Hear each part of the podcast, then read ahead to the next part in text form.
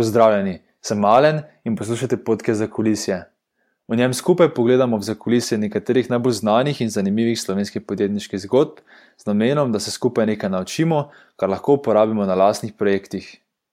Za več informacij o projektu za kulisje pa si pogledajte spletno stran za kulisje.com. V današnjem podkastu se pogovarjam z Nikom Klanškom, ki je najbolj uspešnih Kickstarter podjetnikov, pa ne samo iz Slovenije, ampak kar z celega sveta. Sodeloval je že več kot pri 40 uspešnih Kickstarter kampanjah, sam pa je najbolj znan po produktih Flycly, ki zajemajo električno kolo, skuter in skiro.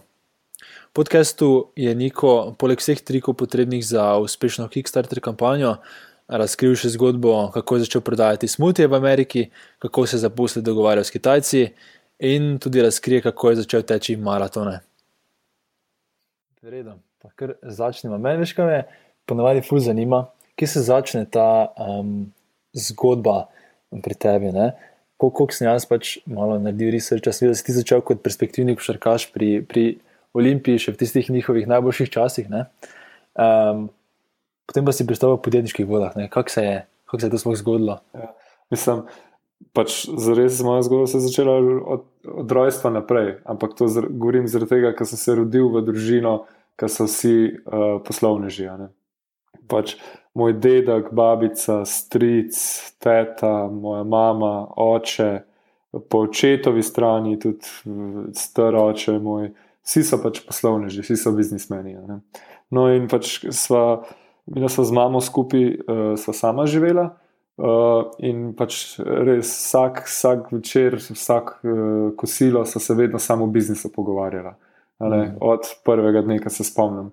In tudi vedno, ko smo šli na kakšno potovanje, uh, kakšne moje počitnice, to je bilo vedno neki business-related potovanje. Pa so šla po celi Evropi, ampak pa so se po celi Evropi tudi ustavila po sestankih. Mm -hmm. Pa ko so bila na morju, sva na prtičku, tako kot pač vsi rečejo, tudi mi dva sva na prtičku, napisala, so pisala biznis plane.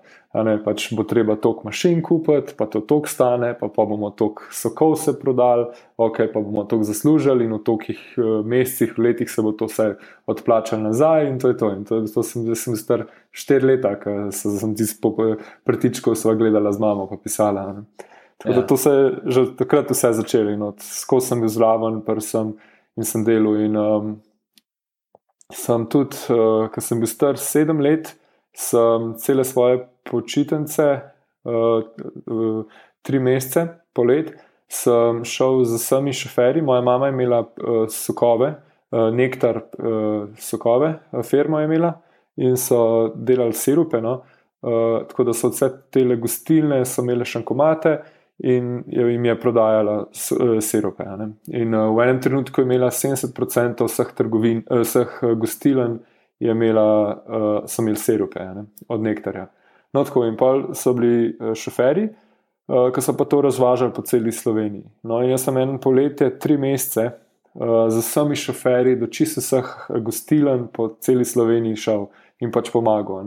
Dostaviti uh, nove kontejnerje, siropo, pa prazne pobrati, pa pač se pa napisati dobavnico, pa eh, poračunati, pa vse take stvari. Pa pa v petkih zvečer sva pa z mamo lepo sedla za mizo, uh, sprintala vse račune, zalepla, nalepko, sem tole znamko, vse to, nesla na pošto, po, uh, to na, v, v Ljubljani v centru, pa sva šla pa čez cesto v tam, kino Komuna so šla vedno v kakšno kino pogledati zvečer, pa, pa za nagrado so šla pa v Derry Queen, takrat še sploh ni bilo McDonald's, ali Derry Queen. No, so šla tja in to je pač tako je to izgledalo. No, in tudi tisto poletje sem toliko velik zaslužil, da sem si lahko kupil en full lep, full hud kolo.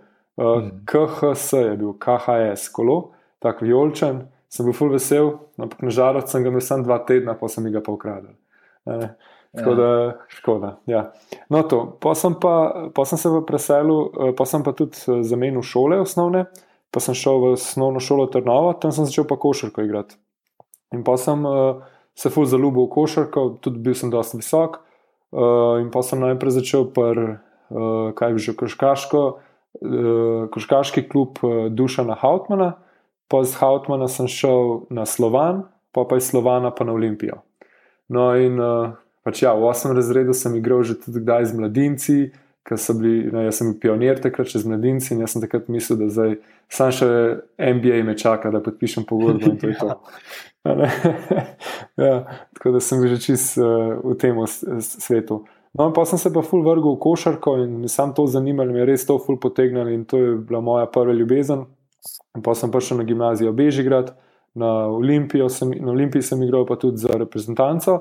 Eh, te mlado uh, slovensko, sem igral, in pa seveda je bil plan, da bi šel v Ameriko, ne, ker pač tam lahko greš tudi na univerzo, pa igraš košarko. No, sem šel na univerzo, uh, sem najprej sem šel četrti letni gimnazijo v Kalifornijo, uh, pa sem šel na univerzo uh, v Oregonu eno leto, uh, sem igral tam košarko. No, tisto leto, ko sem bil pa na srednji šoli v Ameriki, pa pol eno leto v Oregonu, sem pa res videl, da pač pa več stvari sem videl. Ena je to, da najbrž s košarko jaz ne bom mogel živeti, ali pa če bi že igral košarko, najbrž ne bi ful velik zaslužil, pa do, dobro živel s tem. Um, to, to je prva stvar. Druga stvar je pa tako, da se mi je ta ljubezen do biznisa, se mi je ful spet povrnila nazaj v Ameriki, ker sem videl vse te zgodbe o uspehu, pa tudi sošolci so se ful pogovarjali o startupih. Pa tako pač, da sem bil v Kaliforniji 2002-2003, sem bil v Kaliforniji, takrat se je jih začenjal, mislim, se je ta Silicon Valley ful že takrat dogajala. Ne. No, in sem ful vse to poslušal in me je ful to potegnil, in pa sem mamo prepričal, da bi mi da skupaj eno firmo naredila. In tako so pa naredila ta E4B smutje. In se je pa preselila v New York, in tam, tam smo pa to začeli. In tako je nekako začetek. Ste oba dva preselila v New York takrat? Uh, ja, pol, eh, mislim, jaz sem še sestro. Uh, vmes, uh, tako da, ja, pa smo najprej eno leto skupaj v Kaliforniji živeli, uh, potem sta se mama in sestra nazaj preselili v Slovenijo, ker sem šel jaz v Oregon. Pa sem jaz eno leto v Oregonu igral, pa bil, potem sem pa videl, da bi jaz to, da ne bi, mislim, da bi se preselil. Tako da sem bil sprejet na Fordham univerzo v New Yorku. Uh, in pa so se tudi polet, sva z mamo šla uh, sva naredila v plan spet, kako bi to izgledalo, če bi mi dva te smutije začela. In vse to, in pa sem se, pa sem se septembra preselil v New York, da sem šolo začel, uh, januarja sta se pa, pa tudi sestra in mama preselili. In pa smo od takrat naprej smo, bili, smo živeli v New Yorku. Mhm. Pa še zdaj tam živiš? Uh, zdaj, zadnje tri leta, tri, štiri leta sem bil pa dost stanovanja, nimam več v, Slove, v New Yorku, sem ga dal nazaj, pač na emu sem ga. Uh, tako da sem zadnje tri, štiri leta bil full leteč med uh, Slovenijo, Milanom in New Yorkom. Tako da sem dost v New Yorku, ampak ne pa tako, da bi lahko rekel, da zdaj tam še vedno živim. Hmm. No, tega, tega sem še dotaknil med Slovenijo in Ameriko, kako je razmerje. Ampak me pa še nekaj zanima, Kaj je to v bistvu, ko z družinskim članom uh, začneš biznis? Ja.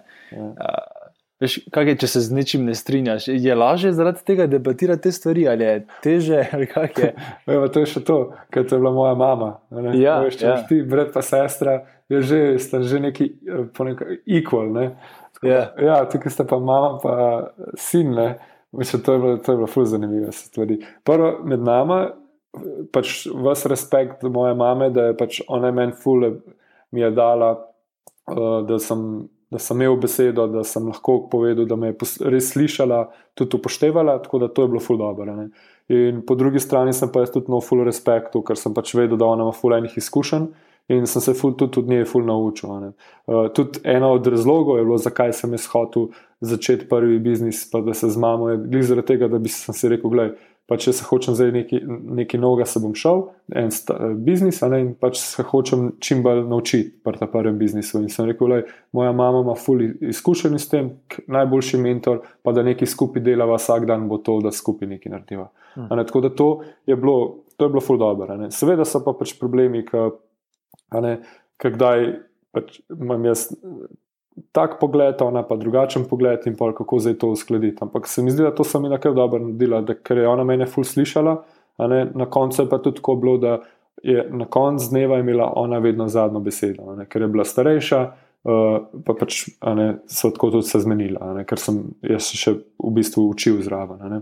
To, ampak sem imel pa vse responsibility, pa vse je bilo pa tudi na meni. Uh, druga stvar, kar je bilo pa fulj zanimivo, pa spet mama, pa sin, pa pač ženska ne, uh, v biznisu v Ameriki. pač jaz in tega ne, nisem nikoli mislil, ampak ko sem videl, rečemo, prišla kdaj na kakšen sestank, pa sem bil, jaz sem star 20 let, pač še čist zelen.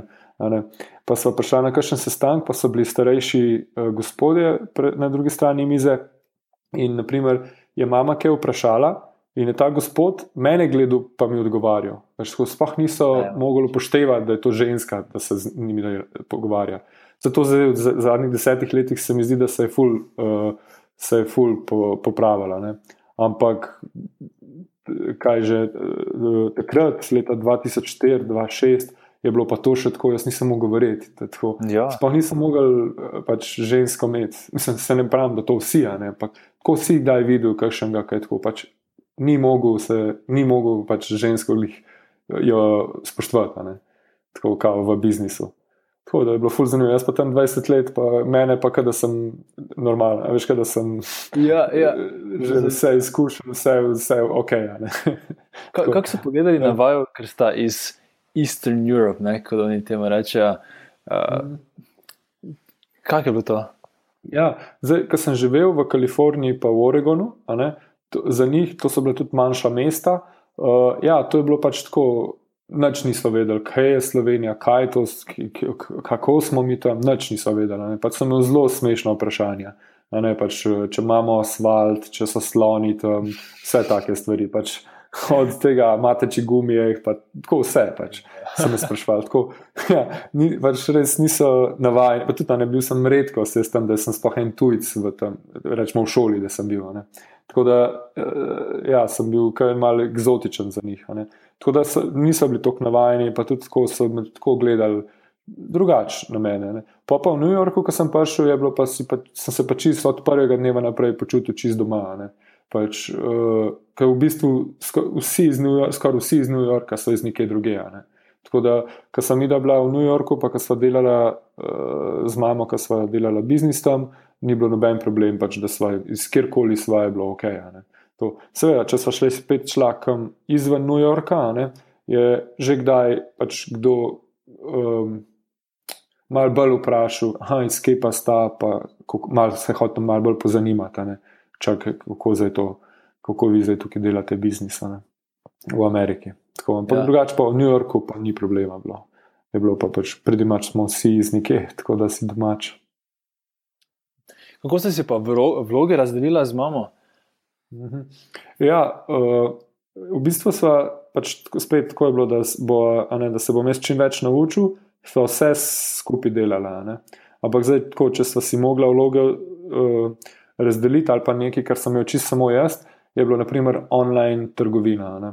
pa online, pa tale web stran. Ne? Takrat 2005-2004, pač niti fulejnih biznisov še web strani ni bilo, ni imela. Ne? No, in mi, smo si rekli, ok, bo naredila web stran, pa tudi pa online trgovino. In so bila tudi ena prvih, ki smo tole um, hrano, pa smutije prodajala na internetu, so bila ena prvih v Ameriki. No, in to, to je bila čisto moja naloga, da uh, postavim stran, da postavim online trgovino in da tudi začnemo prodajati. In pa sem to sem jaz čist sam čez. Uh, druga stvar, rečemo, te okuse narediti, recepte, uh, naročiti, to so imela skupaj, samo imela mama veliko bolj izkušen, tako da je tudi ona kdaj kaj prevzela. Uh, to, Pa pa pri prodaji je bilo pa tako, da ona je mogoče se malo bolj pogovarjala na uh, sestankih z temi brokerji, pa trgovinami. Jaz sem pa pol bolj čez to, da sem v promotion, da sem v bistvu mogel, ko smo, smo prišli v Whole Foods, ne, sem dva meseca polet bil v vseh trgovinah, uh, sem pač tam sample talu. yeah. sem, pač sem tam po 8 ur na dan, deset ur na dan, po dve trgovini na dan sem bil in sem tam stal in sem probil čim več ljudi prepričati, da so probali moj ta smutje, sample, da so jih pa kupili in da, ne, da so se jih navadili. Zato, ker zanimivo vsega tega biznisa, je, da ko ti prideš enkrat noter v trgovino, si misliš, da zdaj pa je to to, ne, zdaj se bo pa kar leteli iz uh, telih polic. V, v bistvu ni nič, nič še nisi naredil, ti si samo en korak naprej prišel. Kamor zdaj, zdaj moš pa dobiti vse te, ki hodijo v trgovino in sploh razložiti, kaj to je, da ko bojo naslednjič prišli, da se bojo zapomnili in da bojo spet vzeli. Tako da to je kar, je, je, je, je kar del, ne? navaditi ljudi, da se Ja. sploh spomnijo uh, v trgovini, da hoče tudi tvoj smuti. To mi mogoče piši, uh, mislim, Whole Foods, um, to je ogromna, ogromna trgovina v Ameriki. Kako, kako vam je uspelo sploh priti v stik z njimi, kako izgleda sploh ta proces, da, mislim, po domači, kako sploh priješ s svojim produktom v Whole Foods? Ja, na tem povedal čisto od začetka. Um, Mi smo tako začela. Uh, dobila, s- uh, warehouse smo imela v New Jerseyju, čez, čez reko čez, od iz Manhattna. In najprej sem tako začela, da zač- šla uh, od, del, od trgovine do trgovine, od delja do delja na Manhattnu. In sem pač, tako kot vsi rečejo, devet ti rečejo ne, eden ti re, bo rekel ja, in tako je bilo.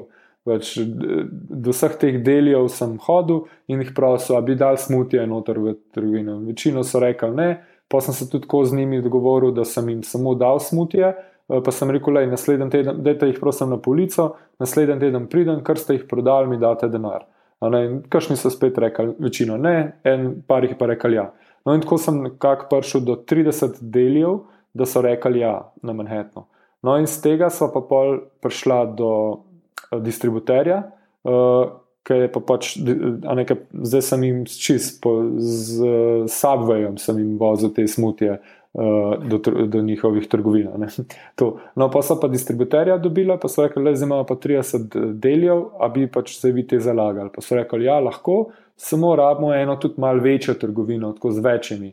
No, in pa so, uh, ampak in so rekli, da imajo neko v New Jerseyju, King's Supermarket, ki imajo 30 trgovin.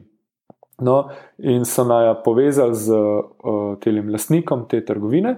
Sva Prišli, uh, no, in nam je rekel, gos- lastnik trgovine nam je pa rekel, ok, dam vam možnost, da v nedeljo um, štirih do ne vem, od dveh do šestih zvečer uh, lahko uh, imata v eni trgovini v New Jerseyju uh, samples in bomo videli, koliko jih bosta prodala. In če bo v redu, jih bo zdamo pol v 30 trgovin naprej. ne. No, in sem videla, prišla tja in sem imela vem, 200 teh kejsov. In ej, što v nedeljo, od dveh do šestih zvečer, ni nobenega v trgovini, to je najslabši čas.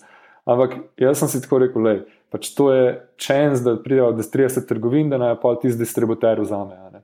Ja. No, in sva, sem tako, liteli vsako babico, vsakega človeka, ki je šel vmem, sem jih pač sem ga ustavil in ga nisem spustil, dokler niti sprobu, eh, smutija in pol ga vzel. ne. In smo tako, v pa, v tako v treh urah, sem videl vseh teh 200 kejsov prodala. In pa ta owner je pač prišel mem in tako gledal, sem tako, wow, kaj se je tukaj zgodilo. Kako ste vi to prodali? Vse te uh, blagajničarke so hodile na sample gledati, kaj to vsi neki te smutije nove kupujejo. Tako in so full naredila šov tam in je bil owner full vesel in je rekel, ja, na spotu nam je dal vse 30 trgovin, uh, to in pa so tega distributerja dobila.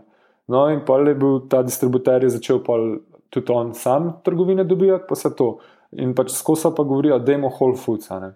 In uh, ja, pač je rekel, bomo provali, pa vse to, ampak nič se ni premaknilo. In pa sem tudi jaz na prav eno trgovino na Columbus Circlu v New Yorku, sva z mamo skozi hodila tja v trgovino, k enemu menedžerju in ga prosila, da je to trgovino. Pa je pa on rekel, ja, moram jaz to gor do headquarterjev, pa se to in da to traja tudi lahko en let, da pridemo noter. In pač sva tam skozi hodila in jih prosila, in tudi nad distributerjem smo skozi težili, da bi noter prišli. Pa sem bila pa na enem sejmu uh, v Baltimorju, uh, kaj je že bil Food Expo, ne, ne uh, Food East Expo. Ja. No, in sem bila tam in sem pač tako, sem imela svoj štand in sva dajala vse te sample, ne, sva tala. No, in tako, pač jaz sem tak, da jaz vsem dam sample, nisem tako, da bi jaz nekaj zdaj gledal, pa probo, veš, kakšne dobiti, aha, te mi bolj zgledajo, da bojo, ne vem, kakšne trgovine, kaj pa ne vem, kakšni babici ali pa kaj tasga. Pač jaz sem vsem dal, kaj, kaj pa veš, mogoče pa glih babica, babica od enega ownerja, od te velike trgovine, kaj veš. No, in sem to jaz totalil. No, ampak Bilo tako, da tam je velika ena gospa je bila in ona tam vse te sample probava in je ful všeč in se z mano ful pogovarja. Zraven pa tako šterje v kravatah, pa v blegah stojijo. In jaz tako, ok, klerli te lišterje so neki, pač neki mora biti, veš, moram se z njimi začeti pogovarjati. Ampak ta gospa me pa ne spusti, tako skozi mi nekaj sprašuje, pa govori, pa tako. Oh, joj, kako me je sprašil do teh skravata, veš? Ja, ja. In pa je tako fajn, tako ono, je ona zadovoljna, vse sem ji povedal, vse sample sem ji dal, vse to, pa pa ona tako reče, veš, jaz sem to iskala že full dolg časa, full sem vesela, da, mi, da sem probala, full mi je všeč, lej, kaj če me, lej, klele moja kartica, kaj če me v ponedeljek pokličeš. In mi da karto, to vizitko, jaz pogledam vizitko pa Whole Foods. tako, bajer, bajer za Whole Foods. Jaz tako, a ja, ok. tako mi da tisto vizitko, pogledam gor v njih skrvatih, ni bilo več, so že šli. Tako, ampak je bilo to, to, to je bilo to. No in jo ponedeljek pokličem. In pa mi, um, ja, in mi, obljubi, mi je rekla, ok, damo spet v, Oni imajo pa tako šest regij v Ameriki in na, razdeljenih. Ne? In rekla je, da naj vdajo v Northeast, pač to je vem, New York, kaj že bil, um, uh, Maryland, Washington, DC, pa mislim, da še Pensilvanija, mislim, da je še bila noter. Tudi glih okrog 30 trgovin. No, in je rekla, ok, damo vas noter za šest mesecev, da vas testiramo, in če bo vse v redu, spol po celi Ameriki spustimo. In ko so prišli v Whole Foods noter. In pa sem šel tisti, ki sem šel dva meseca po vseh teh trgovinah, sample delati. Kaj vam je potem kar naenkrat zraslo, uh, zrasel posel, pa ste se mogli ukvarjati z uh, distribucijo in z vsemi high quality problemi, ne, uh, visokega popraševanja. Je, je bil to tak poskok, velik in šok? Ne, ne, ne ni, ni bilo, bilo ta skok. Tako, vse, tako, vse smo imeli, nekako smo imeli tako sistem narejen, da je vse to lahko shendlo. Pa tudi niso tako full hitro zrastla. Pač, veš, smo dobili 30 trgovin na Manhattnu, pa pol 30 trgovin v New Jerseyju, pa pol 30 trgovin v Whole Foodsu. Pa tako počasno lepo rasla, a ne zraven pa ti distributerji, pa brokeri so pa lepo, a ne sva take distributerje dobila naprimer Whole Foods, ne, imajo oni s svojim distributerjem delajo. In pa, ko smo bili enkrat v tem sistemu noter, je ta distributer lepo vse shendla, tako full simple. Tako, na drugi strani smo imeli pa proizvodno v tem, uh, kaj že v Belgiji. Uh, tam je bila tudi tako velika proizvodnja, ki so outsourcala to. Tako da je bilo nekako, ta sistem je bil full dobro narejen, tako da smo imeli v full vse pošlihten, tako da, koliko hitro smo rasla, to, to je bilo vse uh, narejeno sem jaz nama rastel. Kaj bo problem? Edino je bilo to, da so pač seveda tukaj noter so pa bile full marže, uh, imaš, veš, imaš brokerja, distributerja, pa trgovino, pa še v, v Belgiji smo to proizvajali, ne, ker je pač nek quality, pa pač tudi pa to stane, pa še to je bilo v Evropi z evri. Ker smo, smo mi da to začela, je bil en evro, en dolar. In pa se je pa tista tista stvar začela, da je bil, da je dolar, eh, sem, da je evro postajal zveri bolj vreden proti dolarju. In v enem trenutku sem jih še vedno mogla v evrih kupovati produkte, ne v Belgiji, prodajala svojih po dolarjih in je bilo tako en evro, 1,6 dolarja. Je pač, je, problem je bil to, da sem. Da sva, uh, da sem imela full drug produkt za proizvajati, pa še do vse te marže so bile vmes. Tako da, če je na en evro stal, v trgovini se je pa za 6 dolarjev prodajal. In je bilo pač to je bilo ful problem. In pa so tudi gledali, kako bi imeli proizvodno v Ameriki, sem pa, pa ni bilo niti take polnilnice za, za ta packaging, ki so jo mi da uporabljali, sploh v Ameriki. Tako da sem mogla v Evropi ostati ali pa pač bi, bi cela, celo svojo uh, proizvodno postavila. To pa so bili glavni kupci tega produkta? Kako? Kdo so bili glavni kupci tega produkta v Aha. trgovinah? Uh, ti, mislim, Kot se spomnim, so bile večino mame.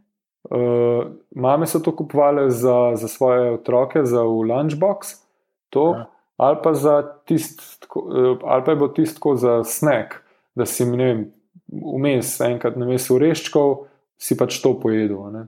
To, Um, druga je bila pa čist, pač dosti bilo, kao, ni bilo organik, je bilo all natural. Tako da takrat se je še tudi to začelo, ta scena se je doga, začela dogajati. Tako da tudi te, ki so začeli malo bolj paziti, kaj jejo, pa to so, so to kupovali. Zdaj, ker smo imeli tudi čist na sprednji strani, je bil uh, prav napisan, kaj je noter. Ne? In se samo sadje je bilo, čist nobenih drugih stvari. Tako da je pač to jim bilo ful všeč. Ja, se to, ker v Ameriki je ful pomanjkanja uh, takšne hrane, ali pa je ful draga. Ne? Ja, ja. Um, kaj pa se zdaj za to zgodbo dogaja? To so, pa je bilo 2008 in je bilo, takrat je bilo evro pa dolar, ful preveč uh, razlike. Uh, sva razmišljala, pa so bila pa tako malo na razpotju, ali to zdaj greva naprej, ampak če greva naprej, moramo proizvodno postaviti v Ameriki, ker drugače ne bo šlo. Se pa so vmes prišla tudi v tale, kaj že uh, v, na Japonsko so tudi prodajala. Tako, tako da je bilo kar, uh, kar zafe, pa na koncu so bila več kot 600 trgovin. Uh, no, ampak so pač ugotovili, ali bo mogla v, v Ameriki to proizvajati, ali pa pač ne, to naprej delava, samo ne bo, ne bo tako dobro šlo, mislim, ne bo več tako dobro rastel. Tako da, kar sem se pa odločila, je, da sem glih končal šolo, mama je tudi rekla, da ima, ima dost uh, tega, tega biznisa, mislim, tega food and beverage biznisa. Tako da smo pa prodala to firmo. Uh, ja, vz, prodala svojo pa tem, kar so proizvajali za nas. Tako da oni niso v bistvu najmanj produkta kupili zaradi brand name, ampak zaradi distribucijskih kanalov, ne, ker so jih toliko po Ameriki, pa, po, pa v, na Japonskem naredili, tako da so oni svoje produkte pa lahko naprej uh, uh, prodajali, ali pa podobne produkte, kar so jih mi domeli, so naprej prodajali. Kako kak izgleda to, ko, ko prodaš podjetje? Še posebej v Ameriki, mislim, kako izgleda ta proces. A moraš ti sam iskati um, potencijalne kupce, ali ti oni, ker sami se ponujajo, ali so neke agencije, ki ti pomagajo. Ja. Mislim, je, je to, točno ne vem, kako, pa če se lahko povem iz mojih izkušenj. Ja. V bistvu je bilo uh, v obeh primerih, pri Flyclaju in pri Iforbiu, je bilo tako, da je ta partner ali proiz, proizvajalec sam, sam izrazil to idejo, to željo, mm -hmm. to opcijo. Tako da, ja, sva pa mi dva sva, sva začela naprej o tem pogovarjati z njimi. Sem jih prebil. Tako, čistko ne bilo. Zdaj, vmes so tudi prišli. Uh, tudi Pepsi, mislim, ne točno Pepsi, ampak neposredno, ampak uh, neposredno neka investment group, ki je Pepsi noter investirala, uh, so tudi do Naja prišli, pa Naja pač vprašali, če bi bila pripravljena to prodati. Tudi tako priš, so tako prišli. Um, ja, ampak ponavadi, kar jaz mislim, da je, če imaš ti kakšne investorje ne, ali pa kakšne partnerje, ki imajo, ki imajo dobra poznanstva, ne, te pa pač pripravijo, pa pripeljejo do tega, da te neka, neka večja firma kup, kot bi bil vem, Pepsi z, ali pa Coca-Cola pri taki industriji. Kako krat se zgodi, um, iz tvojih izkušenj, mogoče pa kar vidiš pri prijateljih, da dobiš ponudbo, kjer lahko ti stopiš popolnoma iz podjetja. In kolikrat pa te želijo zadržati še za en čas, tako da veš, vseeno imajo neko tranzicijo. Ja. Um, ne vem, sem uh, čisto odvisno, kaj je, kaj je strategija. Ne? Jaz sem videl, pr, rečemo, pri telih, kaj so že pri food and beverage. Veš, Coca-Cola ima full enega, ali pa Pepsi, ali ima ta vse, full, dobro, ima to full dober distribucijski kanal, marketing, uh, sales, trgovine, pač proizvodno, vse imajo. Ne. Tako da bi, ne, oni kupijo en velik brand, ne, ga samo noter vse to dajo, v bistvu mhm. ne rabijo full talk founderja še zraven, ne, ker. Uh, Je, razen če je kakšna druga stvar, da, bi, da je da je tak produkt, ker res rab to vizijo, pa tako bi rekel, to, to kulturo founderja. Naprimer, to sem videl pri eh, Kejsu od Snapla. S, mislim, da ga je Pepsi. Ja, Pepsi je kupila Snapla. Takrat, eh, no, in pol je pač Snapple, in seveda te founderji so se pol čisto odmaknili, zdaj, ker so to kupili, Pepsi in je Pepsi to naprej zafurala, ampak je je Snapple čist skoraj da ni propadel, ne po ne vem, parih letih. To pa glede zaradi tega, ker je founderji način, kako so oni postavili Snapple, pa kako so se oni uh, ne, pogovarjali z distributerji, pa z trgovinami, pa vse to, ne, je bil prav taka neka kultura, tako, neki, tako so bili bolj. Ne, povezani so bili, bolj so skupaj sodelovali. Pa, to, pa je pa ena tako velika korporacija, ki je Pepsi prišla, ne, je pa to čisto bolj tak na avtomatizem delala. So se pa tudi pol, ne, ljudje, ki so delali, ne, ki so imeli upravka z tem Snaplom, ne, niso bili tam tok srcem ali pa tok zraven, ampak so to bolj upravnavali tako, kot pač še en tak drug produkt. In že sam zaradi tega pol na policah ni bilo boljš, vse take stvari in pač ni, ni, ni, ni rad ali ni pa real. In pol je, mislim, da so founderji pol nazaj prišli ali je eden drug, ja, so nazaj prišli, kupili nazaj Snapple od Pepsija, ga še, še enkrat postavili na noge, tako kot so oni imeli prej. In ga pol še enkrat, mislim, mislim, da je bilo tako, da so ga prodali najprej Pepsi za milijardo, kupili za 400 milijonov, pol pa spet enemu drugemu prodali za 2 milijardi, pa pa mislim, da je spet nekaj bilo narobe, ali, kaj, ali, ali mislim, da je pol bilo, pa je bilo pa ok. Ampak tako je, tako zanimivo. No. Ja. Ja. Greva zdaj na naslednjo tvojo um, zgodbo, ki si že omenjal, sam Flycly. Ja. Odkud ideja za to podjetje, ne? kaj je ta zgodba za tem? Ja. Ja. No, pa sem pa tako naredil, pa sem pa prodala to firmo IFRB. Uh, sem, si, sem tudi pol, um, uh, kako se tam reče, graduate na univerzi. Uh mhm. -huh. No, in pa sem si jaz eno leto vzel fraj, uh, da se malo spočijem, da malo nove ideje dobim nazaj. Vse tako, sem full potval. To in pač sem, uh, sem bil na, v, v južni, pa je, bilo, aha, pa je bila še ta zgodba. Pa sem bila s punco, bivšo punco, sem bila v New Yorku, sediva naenkrat na eni kavi in sem si jaz glih en tak foldable bike kupil v New Yorku. Aha. In mi se, se tako smejal, sem rekel, veš, vsakeč, kaj jaz kaj zaslužim, ne, si kupim kolo. In, uh, moj prvi kolo, ki sem bil sedem let star, ki sem šel tri mesece, ki sem delal, sem si ga kupil, pa sem ga po dveh, dveh tednih ukradel. Ne. Pa sem rekel, ker sem mojo prvo štipendijo ali pa pogodbo, ki sem podpisal z Unijo Olimpijo, pa sem moje prve dve mesečni plači dobil. Takrat mislim, da sem imel 200 mark na mesec, sem bil sem vprašan. Sem mislil, da sem podpisal NBA pogodbo takrat. Ja, na, na račun sem vsak dan hodil gledati na bankomat in denar, tistih 200 mark. Mislim, da, to, to, sem, da je to, to je to, to je do konca življenja, bo to zdržal. No, to, no, in pa sem si za, ne mislim, gled, za eno mesečno, za dve mesečni plači, sem si kupil pol kolo. Sem šel v šolki učiti in točno dva tedna mi ga ukradajo. No, in pa sem imel, zdaj sem imel E4B, se ga prodala, si kupim ta foldable bike, ga imam, no, in spunca sediva na kavi, jaz to zgodbo ne povem, pa ona tako me gleda, pa vse veš, kaj bo, se, se bo s tem kolesom zgodilo, ne, tako kradejo ti ga bojo, no, ne, še, še, še en teden imaš, da, da preden ti ga ukradejo. No, in sem videl to smeja, vesko sem res. In sem šel nazaj takoj domov, sem ga dal na posliku, ga dal na internet in ga prodal. In sem rekel, raj ga prodam, kot pa da mi ga ukradejo. No, in sem ga prodal še s profitom, sem ga prodal in pa sem rekel, um, kaj že bo pol. A ja, pa sem pa s tem denarjem, so si pa pol kupila karte, da so šla za dva meseca po Južni Aziji. In so bila na Tajskem, pa na Baliju, so bila pa in uh, tale uh, Singapur. No, in ko so bila na Tajskem. Uh, sem pa videl toliko enih električnih koles, to je bilo tako no, neverjetno, pa električnih mopedov, pa vse. No, in pa sem na Kitajskem, na, na, na, teli, um, na Tajskem, sem najdel uh, prav en, en moped, ki mi je bil full všeč, tak električni, električni slash kolo moped. No, in sem, um, sem jih najdel, firmo na Kitajskem, ki to delajo. In sem jih kar iz Tajske poklical in sem rekel, jaz bi si pa enkrat kupil, pa poslal v New York. No, in ona tako, ta gospa meni na drugi strani reče, ja, da minimum order je 50 koles.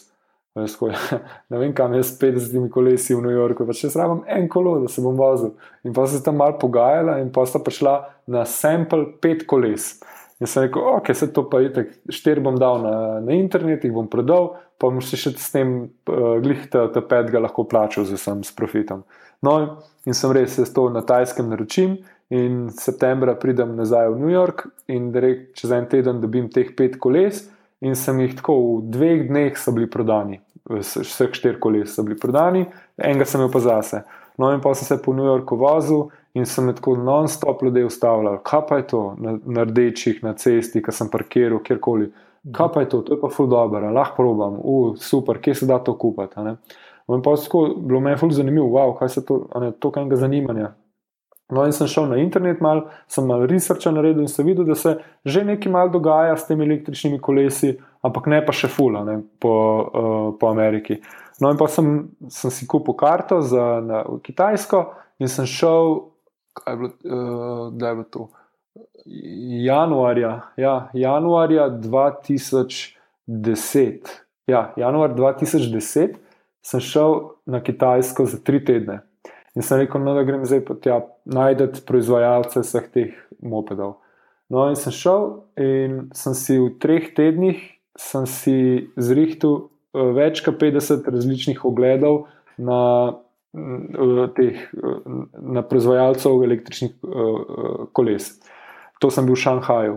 No, sem bil tri tedne, sem skozi od enega do vsak dan, sem jih imel po ne vem koliko, sem hodil sem vse pogledati. In tako da sem pol dva proizvajalca najdel, ki sta imela pač dobra kolesa. Eden je bil, smo ga pol poimenovali modern električni kolo, drug pa vintage. No, in sem se to zmenil, pa še tak del sem z njimi naredil, da sem jim vnaprej rekel, rekel da, ma, da je Amerika full velik trg, pa da jaz to full obladam, pa da sem že eno firmo naredil, pa da jim bom jaz to full velik biznis naredil, samo da moram, rabim pa od njih, da mi dajo. Uh, vnaprej, da mi pošljajo, pa da mi dajo 90 dni rok plačila. Lepo. In to je bilo, pač to, zdaj ga sem mogel 50 različnih jih je tu obiskati, ker vsak se sam ne smeje, rekel, ni šanse. Ampak dva sta ja. pa rekla, ok, sta mi verjela. No, in to, in pa sem šel nazaj v Ameriko, sem ekipo spravil skupaj in smo začeli, uh, da smo poslikali kolesa, web stran naredili, marketing material, tudi malo zdizajnirali, uh, malo popravili kolesa, da so jih popravili na kitajskem, uh, da so malo lepše izgledala za Ameriko, vse to. No, in pol so maja prišli, no, ja, naprej sem jih pa že pa kar vnaprej prodajal, da, so, smo imeli priorder. In pa sem tako kar nekaj časa delal, da sem vnaprej sem jih dubil, pa vnaprej prodal in ta denar sem pa vmes pač pol, ne, lahko naročil, pa plačil zaposlene, pa tako, pa marketing, pa take stvari. No, in to sem delal, in ja, to je bilo enih smešnih zgodb s to kitajsko delati, ker smo.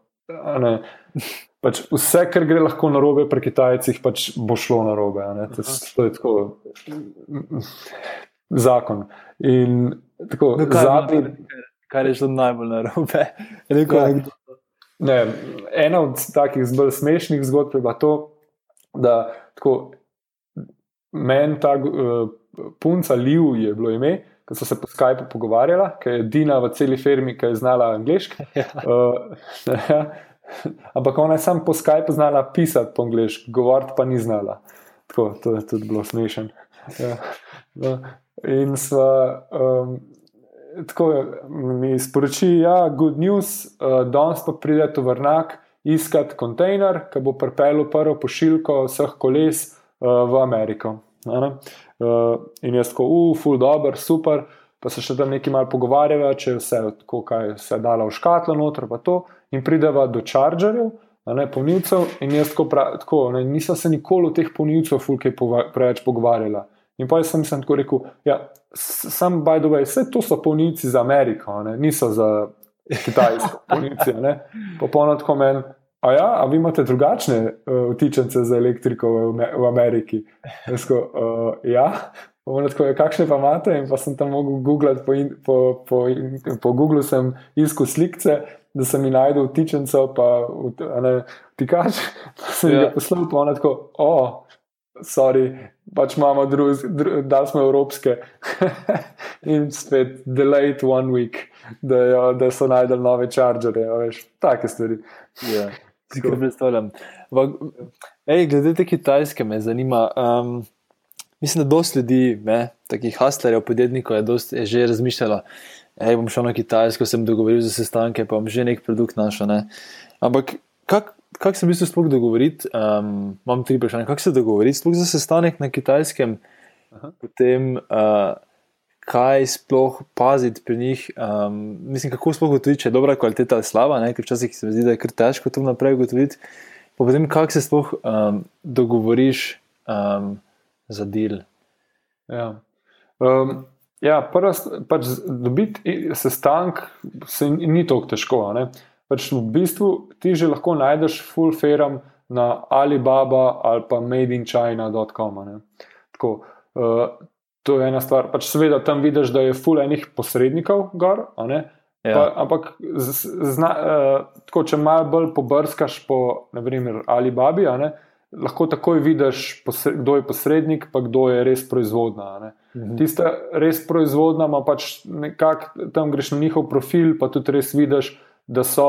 Ne, v, meč, vidiš slike proizvodne, vidiš, da imajo tako. Ne, uh, njihov adres je res tam, kjer je proizvodna. Ne.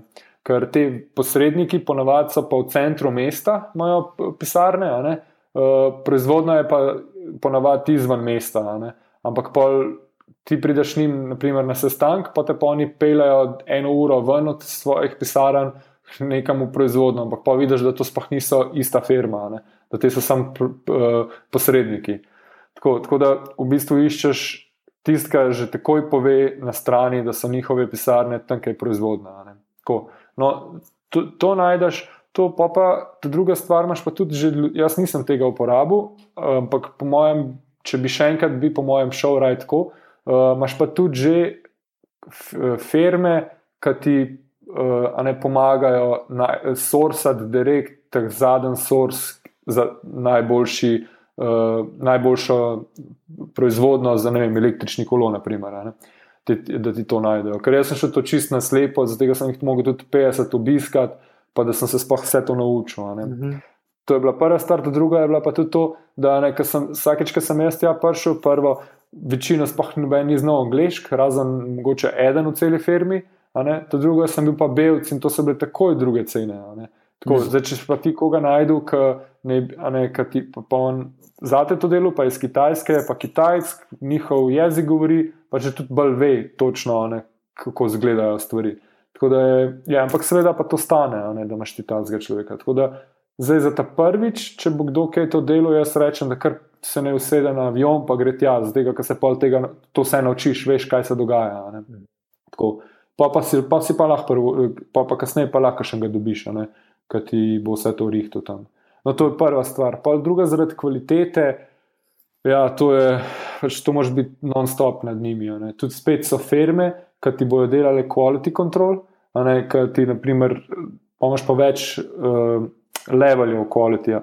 Lahko imaš ljudi, ki boš prav nekoga plačal, pa bo prav v proizvodni pridimat živel tam. In bo, ja, res, in tam bo živel, ampak ni od te firme zaposlen, ampak je od tebe zaposlen, tako da je ja. ne, za tebe skrbi. In bo tam bil in, boč, ko, in lahko pregleda, ko pride roba noter, ne, te raw material, bo pregledal, če je vse v redu, in pol na assembly. Bo vem, tri postojanke imel, ki jih bo pregledal, če je vse v redu, in pol, ko, je, ko pride dol iz assemblija in je finished produkt, ga še enkrat preverjane. Tako, to je res maksimum. To pomaš level je tako nekoga, ki ti bo samo v enem skladišču na koncu od stotih vzel par, pa preveril, če je vse v redu. Mhm. To je tako zelo simpala. Pa imaš pa, pa, pa še nekje v mestu, ki ti pridejo enkrat za vsako proizvodno, ti pridejo enkrat pogledat med proizvodno, pa enkrat na koncu. Ali pa pač, če sam prideš tja, pa si tisto tisti čas, ki se proizvaja, si ti tam pa to preveriš. Vse je prta prvi, da to pogledaš. Sem to lahko traja tudi tri tedne, si tam, ja. da to proizvaja. Tako, tako da, ja, to je kar. Ampak se mi zdi, da tudi Kitajci se zdaj zmeri bolj tudi to zboljšujejo.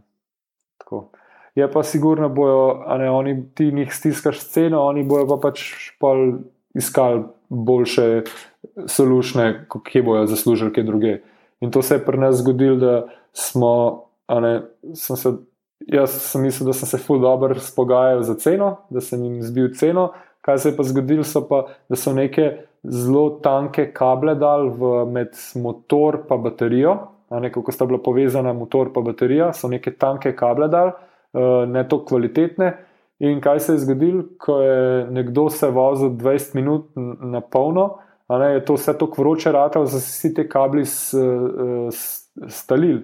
In pa se je to vse med sabo stalili, in pa je to vse prekurilo. Vse, in smo imeli prvi order, 30% uh, za, uh, so nam je koles pokvarili, ne defektov. In pa, in zdaj, Veš, kaj ste to v Ameriki um, s tvojo ekipo popravljali ta kolesa ali ste pošiljali nazaj, pa so oni potem? Ne, mislim, to, to, to, to smo mogli vse pa v, v New Yorku popravljati. Ja.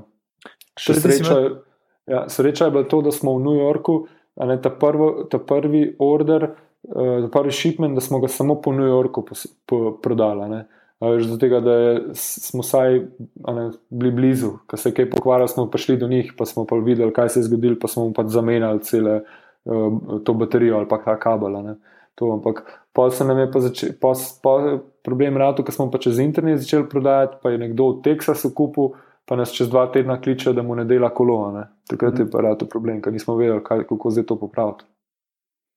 Ste pametno začeli najprej torej v enem um, zaprtem prostoru, skoraj da ne v New Yorku, ja. kot nek test, potem ste pa skalali ja, v Ameriki. Tako, ja.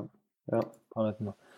Um, še kaj me še zanima, jaz v bistvu, ko sem delal malo research, sem videl, da ste za tem skuterjem, ne, električnim, torej s prvim produktom, bili celo v Wiredu, ne, v tej reviji.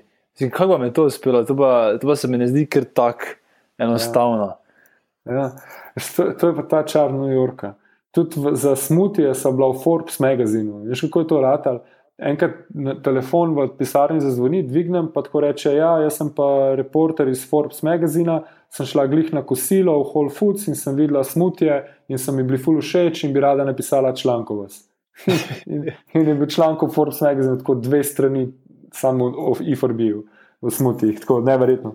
Ta Wired smo pa tako naredili, da smo imeli pop-up shop, smo naredili v New Yorku, Ko smo lansirali Flycly, uh, en mesec smo odprli eno trgovino, rentali v Sohotu, v Noliti, uh, za en mesec smo jo vzeli uh, in smo tam lansirali. V tistem času smo ja, fulejnih partijev, eventov delali v trgovini, pač pridobivali uh, tole attention, ne, da so čim več ljudi ustavili, prišlo noter. Ja, in tako je Wire magazine, enkrat pa še imam spet en eh, reporter. In jaz niti nisem vedel, da je on, uh, kdo je. Samo pač prišel je noter, pa sem rekel, da bi probil, bi ste steril, je šel en krok, je prišel nazaj, mi je bilo full všeč in je rekel, da jaz bom članek naredil vas in pa je bil članek. Kakšen efekt pa lahko ima tak članek na, na, na posel? Ja, uh, ja, PR je full močen. Uh, pa, pa tudi pri Kickstarterju, pa pri vseh uh, je PR je full močen. Uh, uh, ful dobiš, uh, tako, kar naenkrat, tako dosta ljudi začne, tako, kar veliko ljudi to dosežeš, te vidijo, vse to. In pač tudi sem videl, ko je en tak članek prišel ven, so že v naslednjih parih dneh je kar bilo več, mislim, ne ful velik, ampak kar že dosta ljudi. Je več prišlo v trgovino, ko so prav rekli, da so videli na, uh, ta uh, članek, so prišli probat, in pa je tudi je bilo veliko lažje za njih se odločiti, da bi kupili, ker smo imeli neko kredibilnost, smo dobili s tem tudi. Ja, ja, pa, naprimer, še na drugi strani ne, je pa čisto odvisno, ker smo bili pa v Tech Crunchu, ne, mhm. tudi je, eh, zgodba v nas je bilo pa ful zanimivo, ker smo imeli tako nenormalno veliko obiskov, obiskov na stran, mislim, da nam je celo krešen na stran takrat, ampak tako prodaje pa ni bilo nič. Tako, mislim, da smo jih dva, tri kolesa samo prodali. Tako noč ni bilo, nobenega konveržna ni bilo. Ne. In je bilo tako fuz zanimivo, ker se mi zdi, da je tek crunch ima tak, tako publiko, da ful se radi bolj učijo, pa vidijo, kaj se kaj novega dogaja, ne pa to, da so v tem modu, da bi ne, nekaj izvedeli, da bojo kupili. Aha, ful zanimivo. Teda, potem verjetno ugotoviš, kateri mediji imajo bolj tiste. Uh, bralci, ki so dejansko kupci, kateri so pa tisti, ki se izobražujejo, oziroma berejo.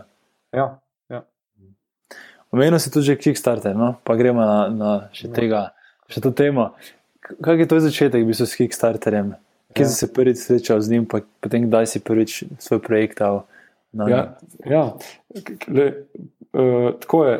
Indiegogo, ne, je kompetitor od Kickstarterja, je bil v istih coworking spacih, kot jaz, uh, s Flyclyom. Pač tako, literally smo bila dve mizi stran, sva sedela. Sta, uh, Slava, jo je imel od Indiegoga, je dve mizi stran sedel in sva, eno leto smo skupaj sedeli in jaz sem v električna kolesa delal, ampak uh, Indiegogo.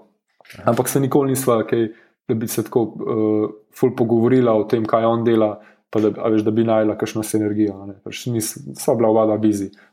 No, Kickstarter je bil pa liteli dve ulici stran, so imeli pa oni pisarne.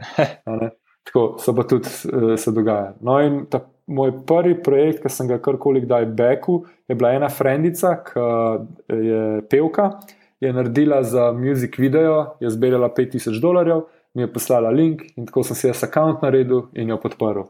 To je bil moj prvi Kickstarter projekt. Pa sem pa uh, septembra, ne, kdaj je bilo, uh, junija 2012 prišel v Slovenijo, pa Evropo za par mesecev, zdaj, ko smo odprli Flycly trgovino, isto pop-up shop v Barceloni. Uh, no, in takrat sem pa bil mal po Sloveniji, pa mm, sva se srečala z Luka Lučičnikom. On je bil pa študent na arhitekturi. In je tako ful zanimiv stol naredil, LL stol. No, ampak mi smo se v bistvu, zakaj je res dobila, zdaj ga nekaj zanima, kako je to import-export za Ameriko. No, in se dobiva, mi pokaže produkt, se pogovarjava, še tedaj uh, Glažar je bil profesor tudi zraven projekta. Um, no, se, se pogovarjamo in oni dva začneta o nekem Kickstarterju govoriti. In da imajo nekega profesorja iz Amerike, ki bi on to lahko prek njega naredil.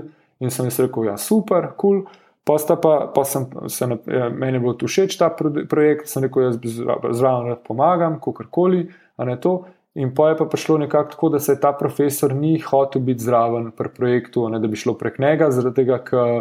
Uh, ni, ne, ker je pač mi, uh, ni točno ni vedel, kako to sploh deluje, pa ni hotel kaj riskirati.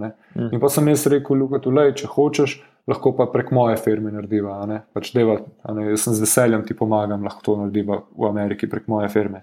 No, in, sva, in je, se je avgusta 2012 lansiral in uh, zbiral je 20 tisoč dolarjev. In je bil prvi uspešen slovenski Kickstarter projekt, ki je bil uspešen. In ja, takrat smo nismo imeli pojma, kaj, kaj delamo tako glede Kickstarterja. Ne. Tako Luka je tako full dobro video ekipa naredila, full dobro je promoviral, tedaj je full pomagal s tem, ker je bila univerza, da se je nekaj člankov lahko naredil po Sloveniji, pa vse to. Ampak tako v bistvu stalo, pa tako donska, kaj vse to delamo, takrat nisem imel pojma, tako fulejnih napak smo tudi naredili, pa vse. Ampak je bil kar uspešen, je rato. Ne.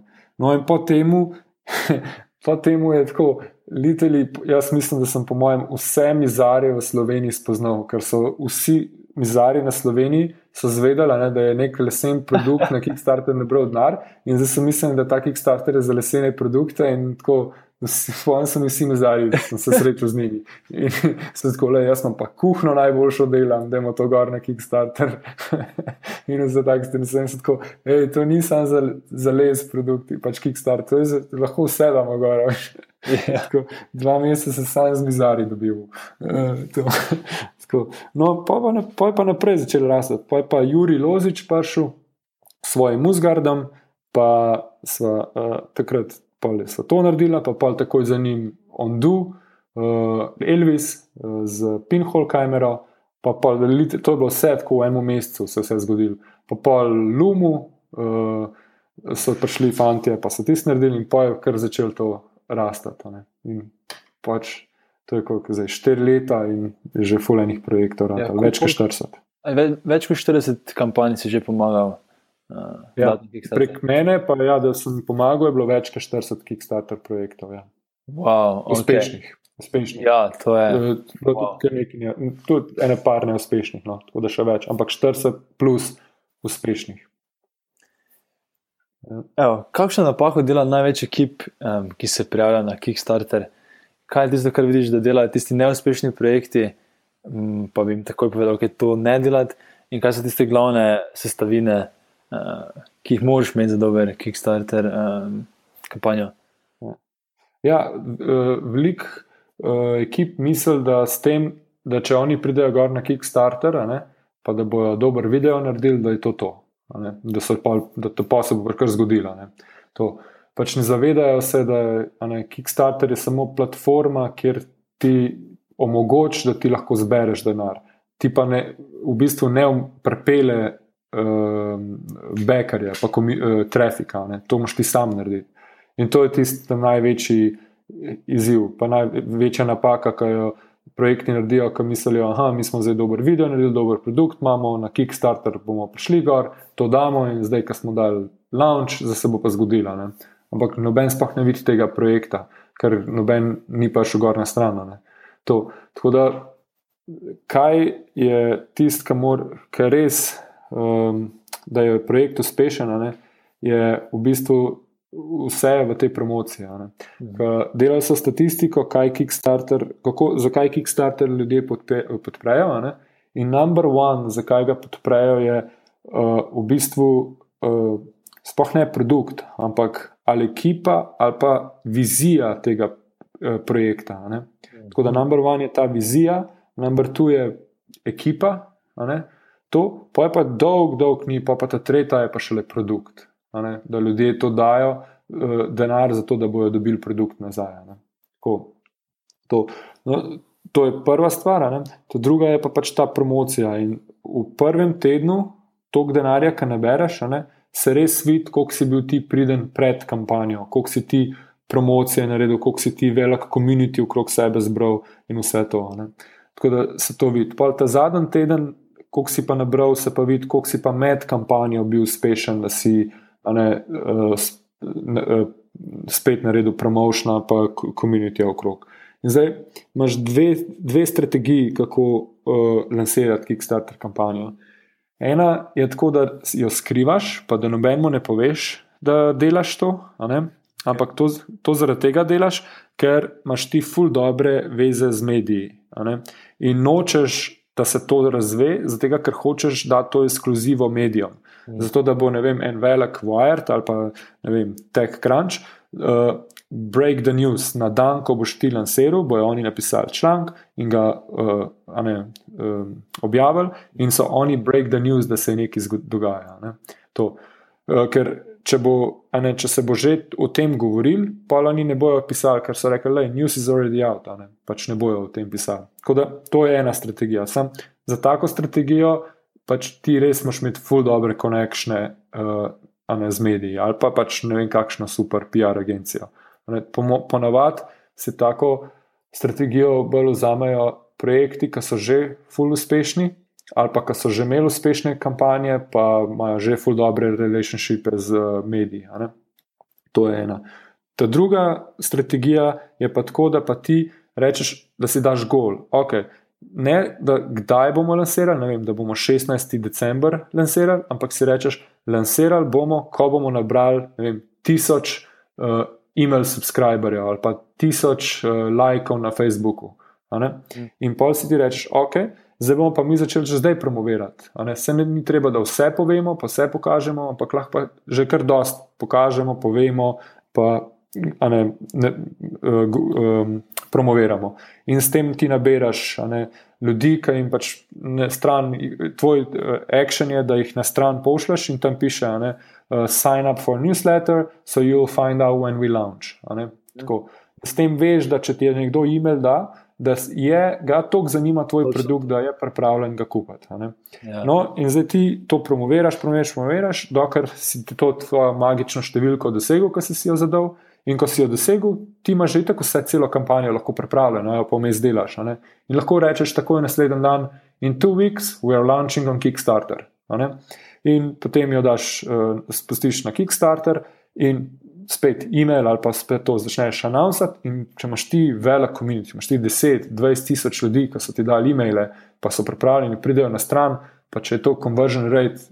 Ne, se ni treba, da so vsi, ne, da jih je samo neki od tega zbeka, se bo, se bo tak plasosil, da bojo potem tudi vsi ostali začeli, bas se bo okrog tega projekta začel dogajati.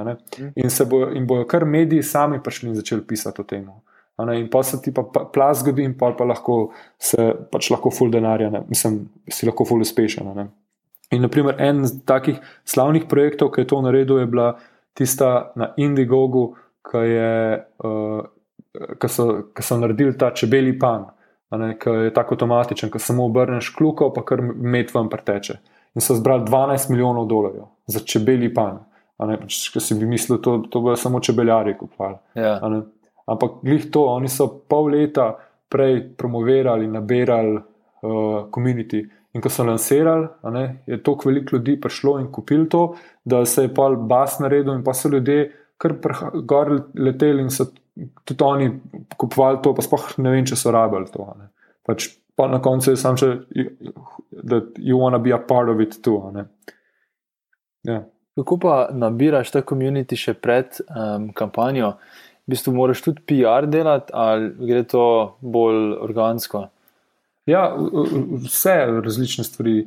Uh, lahko tudi že PR delaš, ne, da dobiš članke, da pišejo o tem.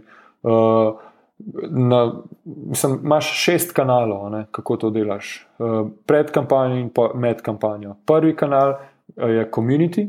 Tako da najprej probaš najti komunitije, ki imajo neko sinergijo s tvojim produktom. Primer, pri Flyclaju smo iskali vse komunitije, ki se uh, vem, enkrat na teden dobijo v mestu, pa se grejo voziti s kolesom, pa grejo pa na pivo. In smo od admina tega komunitija uh, se povezali z njim, postali prijatelji, mu razlagali, kaj mi delamo ga imam za feedback vprašali, pa pa ko smo lansirali, ne, smo ga pa pač prosili, da bi zdaj ti pošeril naš projekt v svoje komunity. In v kakšni komunity je imela tudi milijon memberjev, ko so pa dobili ta mesec. Tako da to je prva komunity. Druga je uh, medija, uh, pač ja, da probaš čim več uh, teh uh, artiklov, pač blog postov, pa se ga tega dobi, da napišejo. Ta tretja je online advertising, ampak to je, za, to je tudi za predkampanjo dobro, bolj zato, da ti lahko testiraš, kaj dela, pa kaj ne. ne. Rečemo, so že kakšne kampanje, ki tudi uh, ceno testirajo. Ne. Pa dajo na Kickstarter banner, pa rečejo, ok, ne vem, tale produkt za 100 dolarjev. Ta drugi banner je pa ta produkt za 50 dolarjev. Pa pač vidijo, koliko je več ali pa manj conversion rate na tak banner. In že, že ceno lahko testiraš, pa vse to, ali pa pač tudi keywords. Ampak drugače pa med kampanjo, pa jaz predlagam, da je vedno najboljš tako zadnji teden, zadnje dva tedna začeti tudi advertizati.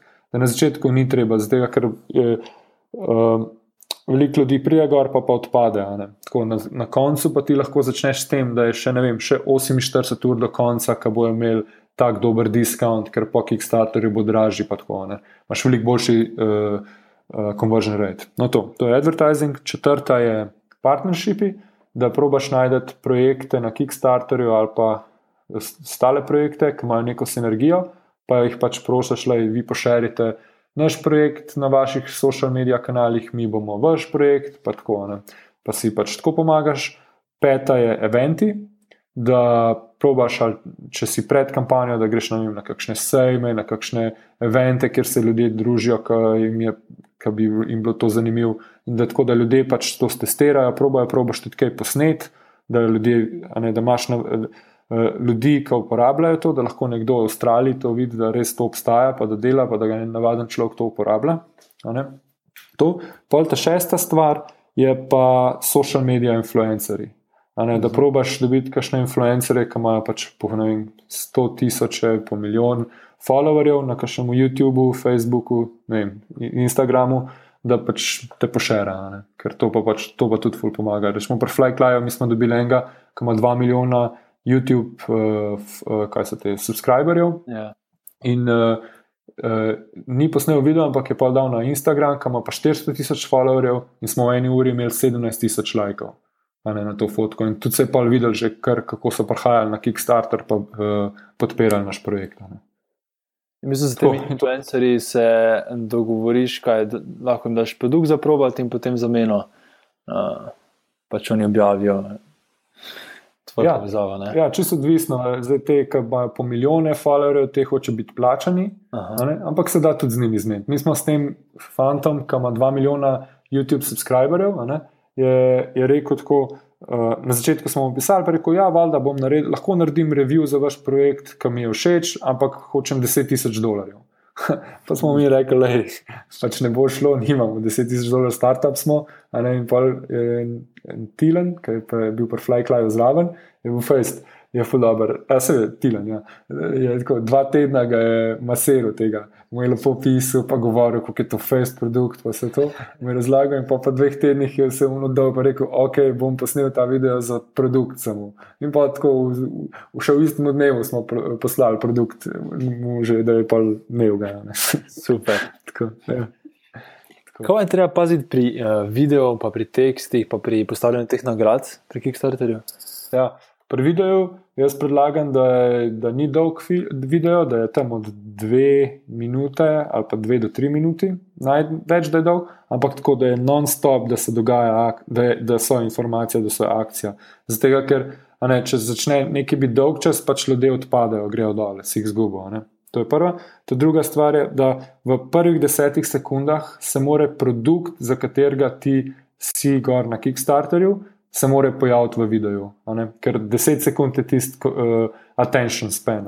Po 10 sekundah, če ne vejo, zakaj se gre ta produkt, ne bo, mislim, ta video, grejo stran. Da, če pogledaš Flyclight, se jaz v prvih 10 sekundah že prpelam noter s kolesom. Naprimer, Um, pa je pa še tako, v videu moš povedati tri stvari. Eno na začetku, kdo si, pa zakaj to delaš, pa zakaj bi ti mi zaupali, da ti bo to rad ali narediti. Ta drugi del je vse o produktu, pa da je to, ne, zakaj je dober, pa vse to, pa featuri. Ta tretji, pa moš, ta tretji del moš pa povedati, da v bistvu, ne, zakaj si ti res na Kickstarterju, zakaj rabiš njihovo podporo, pa da, zakaj, kaj točno rabiš od nas. Ne, več pač, please back us or share us, ne, da to rečeš. Pol pri rewardih uh, je dobro, da je tvoj ta main produkt, za katerega prodajaš že tako je ta, ta drugi ali pa ta tretji tre, reward, da je že. Ne, to, da je, zato, te, veš, če imaš ti, rečemo, vem, za en dolar thank you, pa imaš t-shirt, pa poster, pa ne vem, kaj še vse vmes. Pač ljudje ne bojo šli brati šest rewardov, da bojo ta sedem ga najdela, da ja. to je tvoj produkt, ki ga hočem pa kupiti. Pač zgubiš ljudi, ali sploh ne bojo šli dol iz strani, ali pa bojo pisali hej, jaz ful mi je všeč vaš produkt, sem ne vem, kje ga kupate. ja. In pa jim moš razlagati, ja, ne, še malo poskroli dol, na šestem smo, ne, šesti reward je. Tako da je dobro imeti uh, ta drugi ali pa ta tretji reward že ta glavni produkt. To pa, pa dobro je, da je produkt. Da je napisan, da bo ta produkt zdaj na Kickstarteru, da je cenejši kot po Kickstarteru, mm. ko bo zaključen projekt, ne, da bo dražji. Zato, da pač ljudje so, ne, da vejo, da se jim zdaj splača kupiti. Ne da rečejo, da ja, kul, bom pa pač počakal, da boste začeli šipati, pa ga bom takrat kupil. Ja, ja.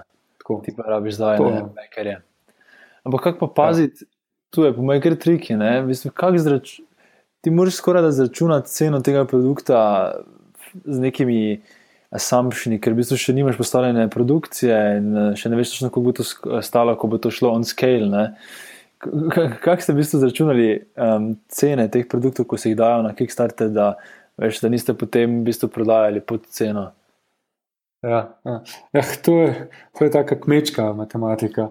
Pač, vzameš neko poprečje, koliko bi te produkt stal, pa koliko bi te stal v, noter v škatli, da je v warehouseu sedi, da ga ti sam še nalepko daš gor, pa pošleš koliko te to stane, da je v packagingu v warehouseu, in pa daš krat dva ali pa krat tri, to je pa prodajna cena.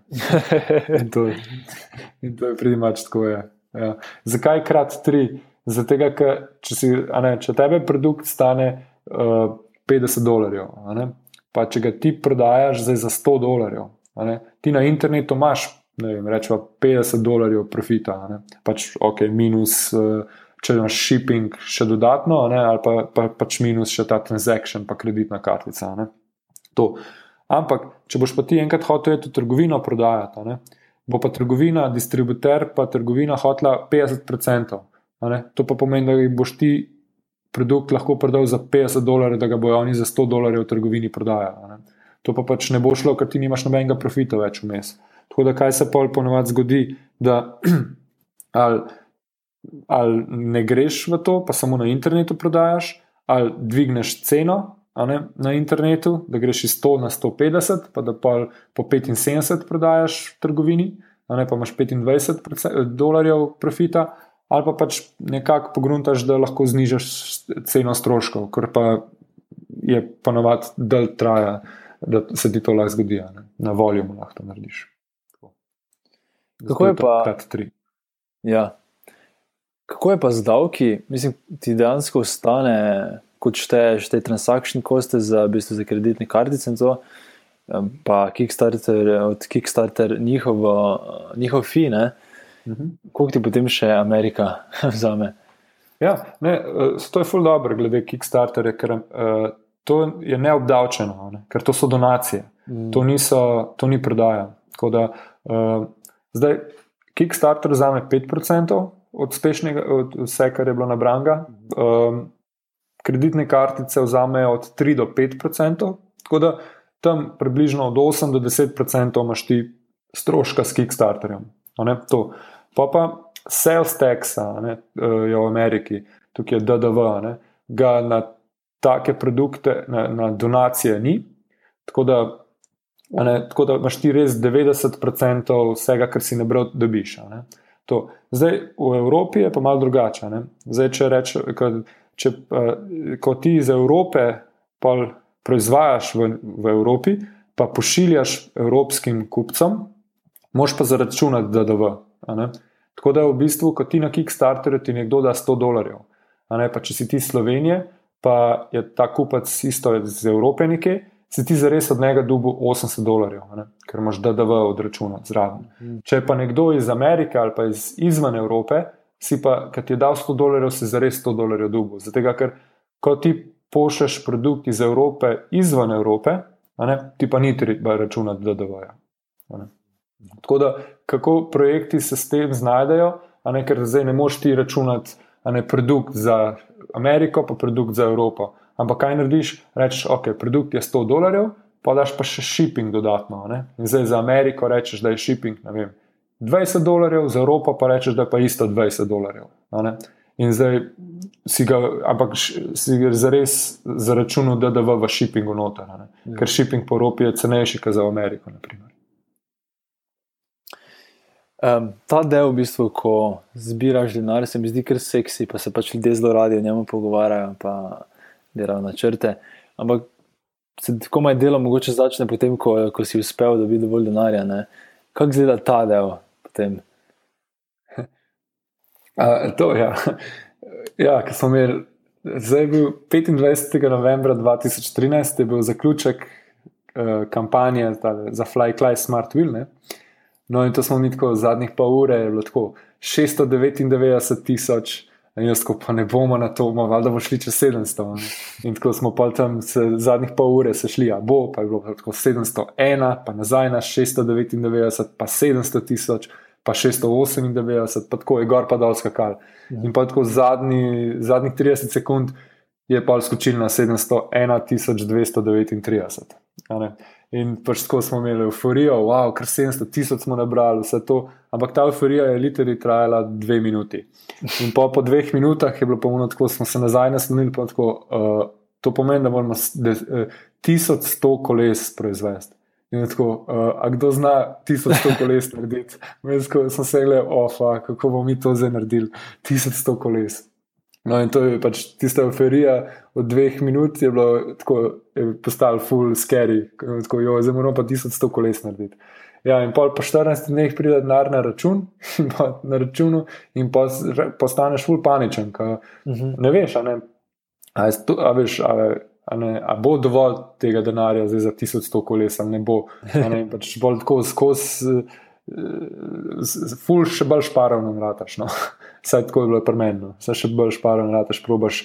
Ne, ker, ker ne veš, če, veš, če bi imel vse začrtano, ne, da bi točno vedel, kaj te, bo, kaj te vse čaka vnaprej, da bomo to naredili, koliko te stane, vse to, pa veš, koliko ti bo vmes ostal, veš, koliko imaš rezerve, če kakšno napako narediš.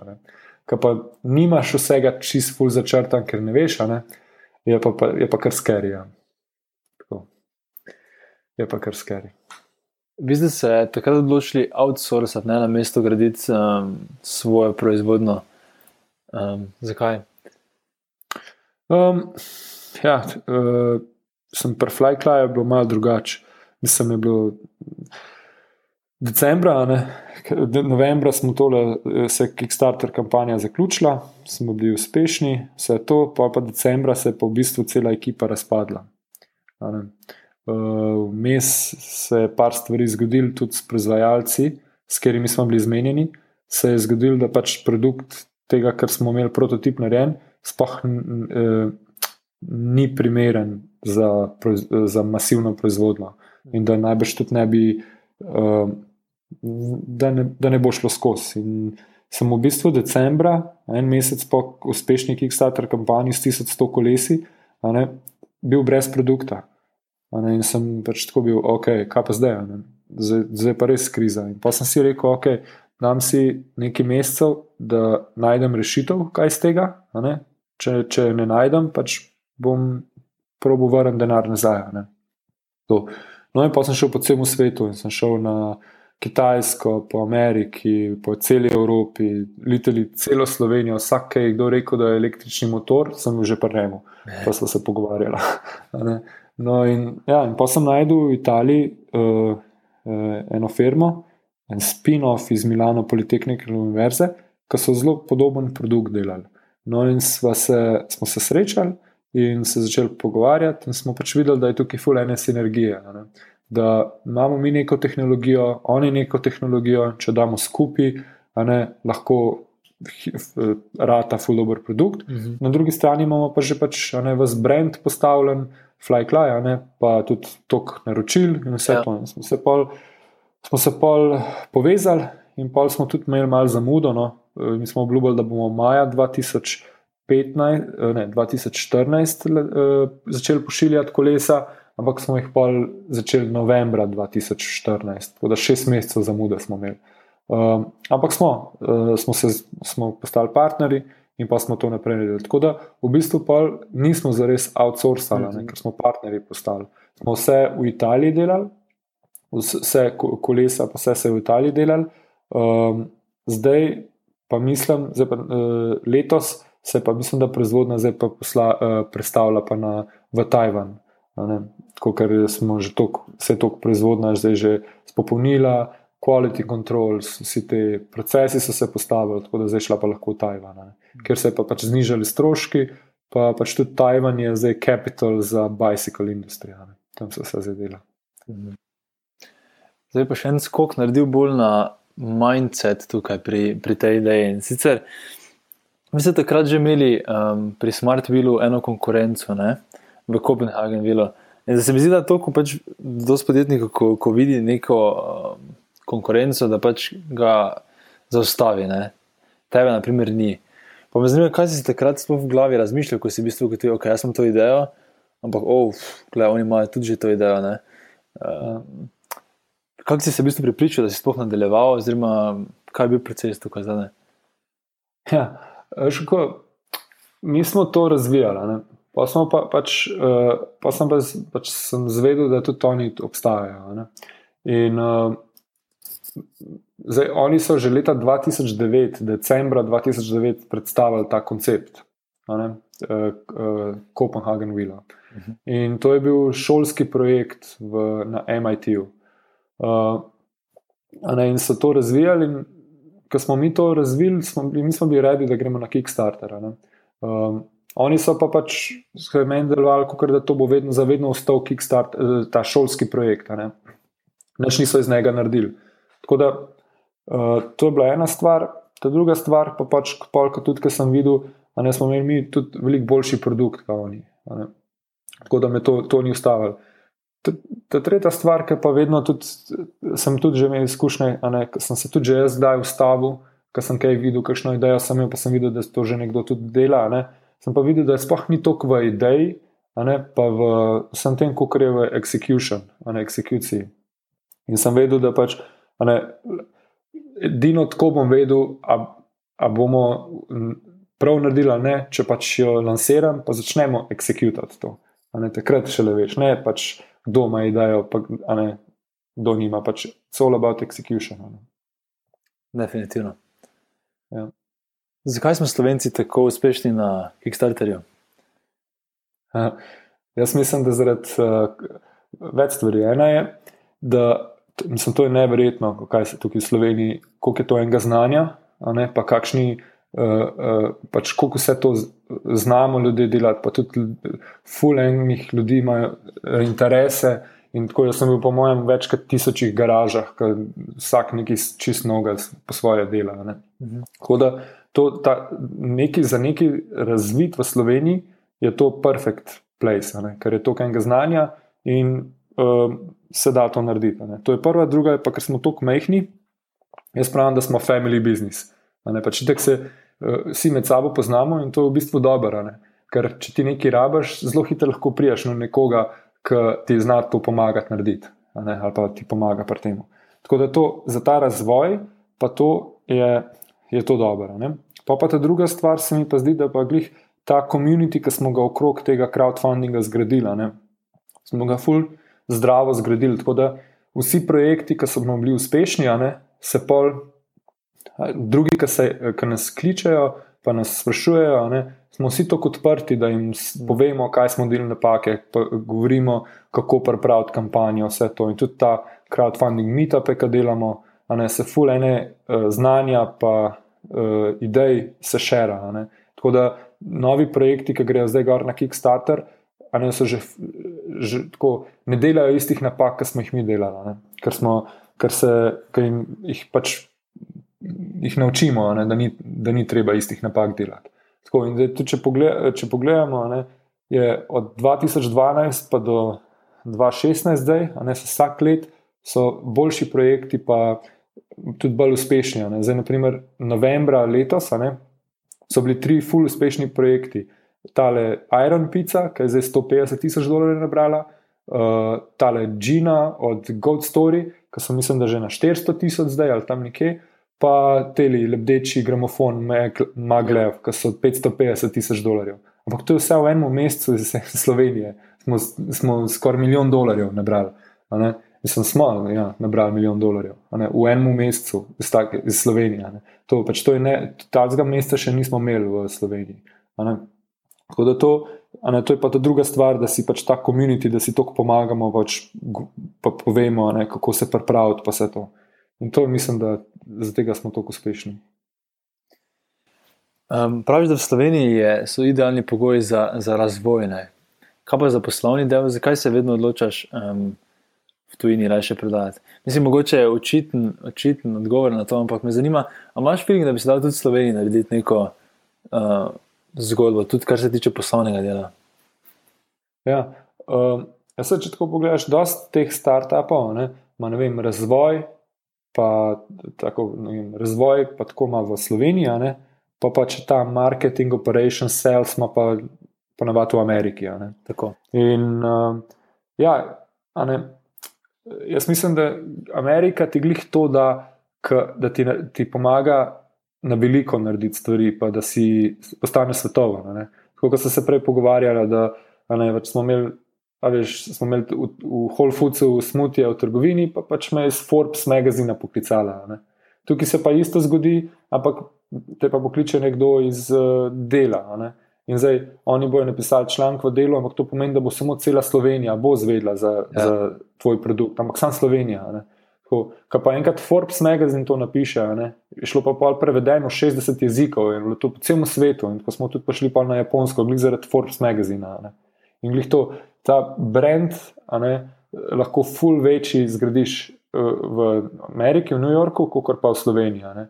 In pa gre lahko res po celem svetu. In, ampak Efforta, pa kako to narediti, je pač isto, kot v Sloveniji ali pa v Ameriki. Ne? Isto je, pač tam živiš, hodiš po cesti in pač na mest gre mem tebe novinar ali pa investitor ali pa kaj takega.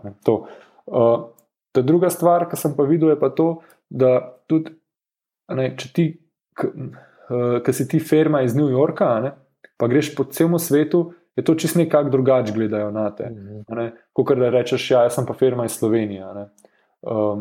Pač ne zdaj, da je, da, je sla, da je slaba Slovenija, ampak samo ne poznajo, sploh ne vejo, kje to je Slovenija. Ne. Mhm. Za New York so pa vsi slišali, pa ne, ali pa Silicon Valley, pa pač vejo, da so tam ne vem, sam, da so ful uspešni projekti tam po vsem. Pač, Glih to ti pač pol tudi pomaga, ko prijaš vem, na Kitajsko, te pač Ja. ljudje drugače gledajo, zdaj, ker si iz New Yorka, Ja. ker vejo, kaj je to New York.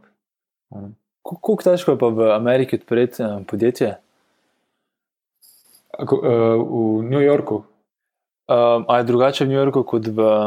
To je verjetno mogoče od vsake države, zvezdne, drugače. Ja. Ne, v bistvu ne. Uh, mislim, uh, ni, težko ga ni ustanoviti. Tako, uh, Ima že te web strani, jaz sem fluorat upcouncil.com, ko greš, greš gor in napišeš, kaj bi rad, uh, vem, da bi rad ustanovil firmo in pa dobiš tele odvetnike, ki ti pičajo, za koliko denarja, pa za koliko časa. In litali lahko firmo odpreš z enim odvetnikom za 500 dolarjev, ki boš imel eno uro uh, sestanka z njim, da, da se vse pogovorite, kaj bi rad, pa da vse dokumente mu nabereš skupaj, in ti bo on v dveh tednih boš imel firmo odprto. Po bančni račun tudi naredi in vse to. Uh, ne, bančni račun moš še pa sam odpreti. ne. Mhm. Imaš pa zdaj že tudi tako, da lahko tudi uh, čez internet tudi bančni račun odpreš. Moraš živeti v Ameriki, um, da odpreš tam podjetje, lahko tudi iz tujine. Lahko tudi iz tujine. Ja. Ja. So zdaj že kar tudi neki slovencev, sem jim pomagal, so točno čez ta Up Council, so kar izkladali iz Slovenije, so odprli in ameriški firmo, in pa bančni račun so odprli. To si pa nisem predstavljal, da je tako enostavno. Ampak ja, včasih delamo sami v glavi večje zgodbe, kot pa dejansko so. Ja. Um, Ja, zdaj ne vem, kako bo s Trumpom, ampak zaenkrat je bilo easy. ja, ja, ja. Ja, in prej smo se malo pogovarjali, da si eh, ravno prišel iz, uh, prej si bil mest še na počitnicah, ampak da si bil um, spet uh, v Ameriki. In če, če sem prav videl, si v bistvu bil na Harvardu, ne? Si Kaj sem bil? na Harvardu, ne? Ja, ja. Kako je bila pa ta izkušnja? Ne? Torej, bil si na, na nekem na poslovni šoli, v bistvu, ne? Ja, uh, naredil sem uh, program PLD na Harvardu. Uh, to je, uh, uh, kaj že PLD je, Program for Leadership Development, uh, devet mesecev dolg program. Um, ja, pripravljal sem se na ta program, da sem bil sprejet ene pol leta, da sem vse te aplikacije naredil, pa se to je kar težko noter prijeti. Ampak ja, še to ne, neverjetna izkušnja, da sem bil lahko tam. Uh, od vsega najprej v kampus, kako je to lepo zrihtan, pa vse zorganiziran, pa pač bili smo kot hotelsko sobo imaš in pa greš iz hotelske sobe, imaš tak velik uh, living room, kjer smo se 800 šolcev, je bil svoj living room, smo imeli, na, so, ko so, so nas poimenovali living group in nas je bilo 8 iz celega sveta, prav po starosti so nas dali skupaj, pa še tako uh, skoraj z vseh kontinentov smo bili sošolca iz Šanghaja, iz Mumbaja, iz Ugande, uh, Pariz, uh, ja, Slovenija, uh, pa je bila Boston, uh, Sao Paulo, Brazil, pa Austin, Texas. Tako, pač ne, tako iz celega sveta smo bili. To, pol ta druga stvar, uh, sošolci, ostali nas je bilo 160 v tem programu. Je tako res iz celega sveta in to neverjetni sošolci, kaj, tako, kaj vse eh, stvari delajo, v kakšnih firmah delajo, tako ful, ful pametni. Tako, tudi, ful, mislim, ful smo se imeli dobro, no. tako res sem dobil best frende za celo življenje tam.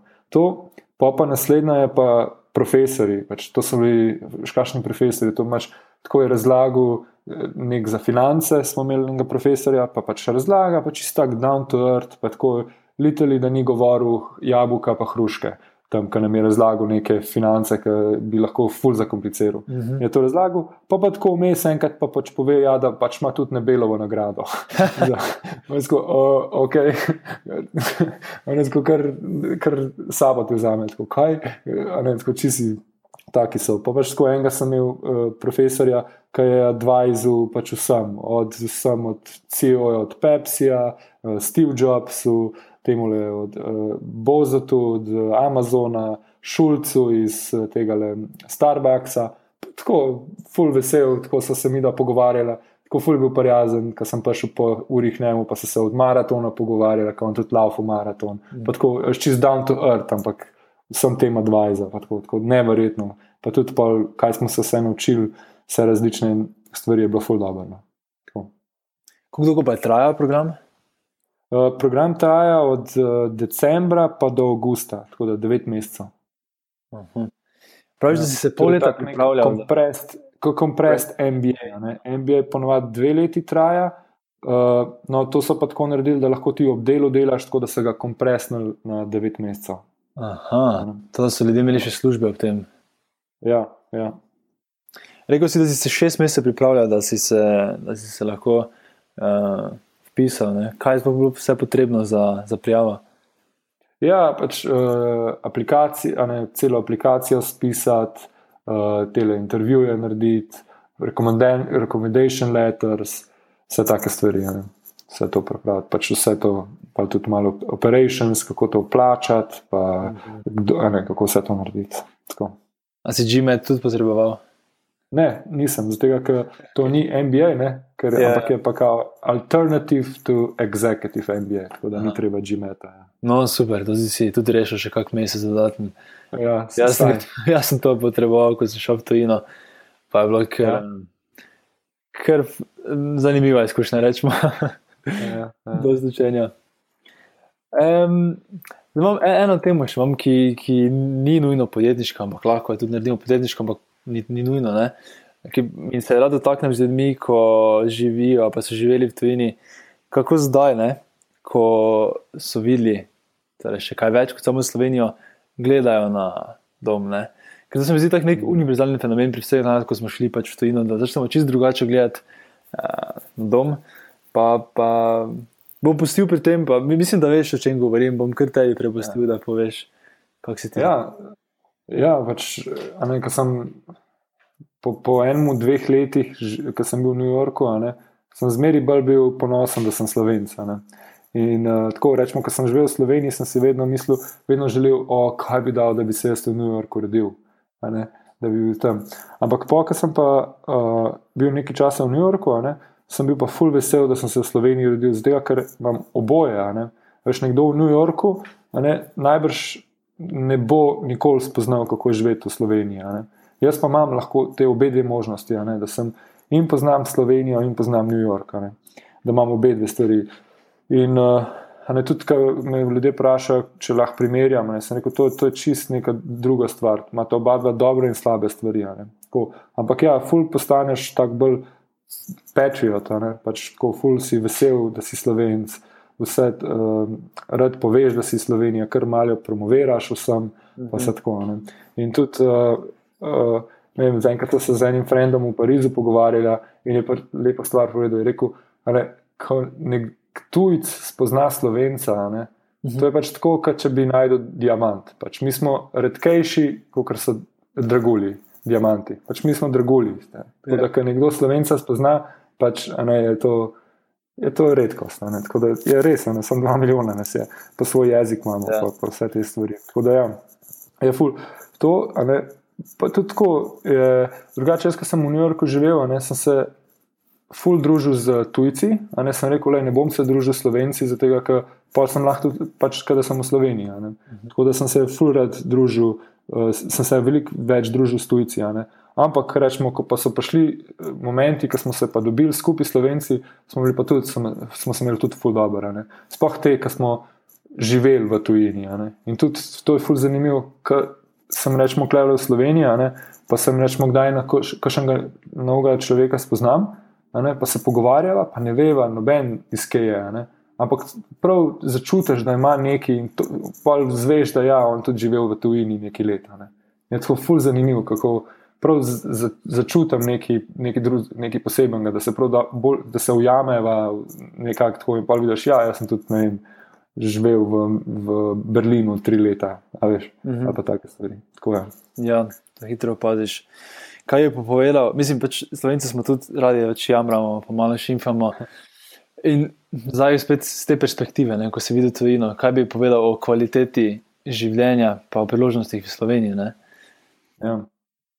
Uh, ja, tako je. Ne, če če primerjava New York Zdaj, tukaj imaš lahko veliko boljšo kvaliteto življenja, ne, za pač, kot jo imaš v New Yorku. ne.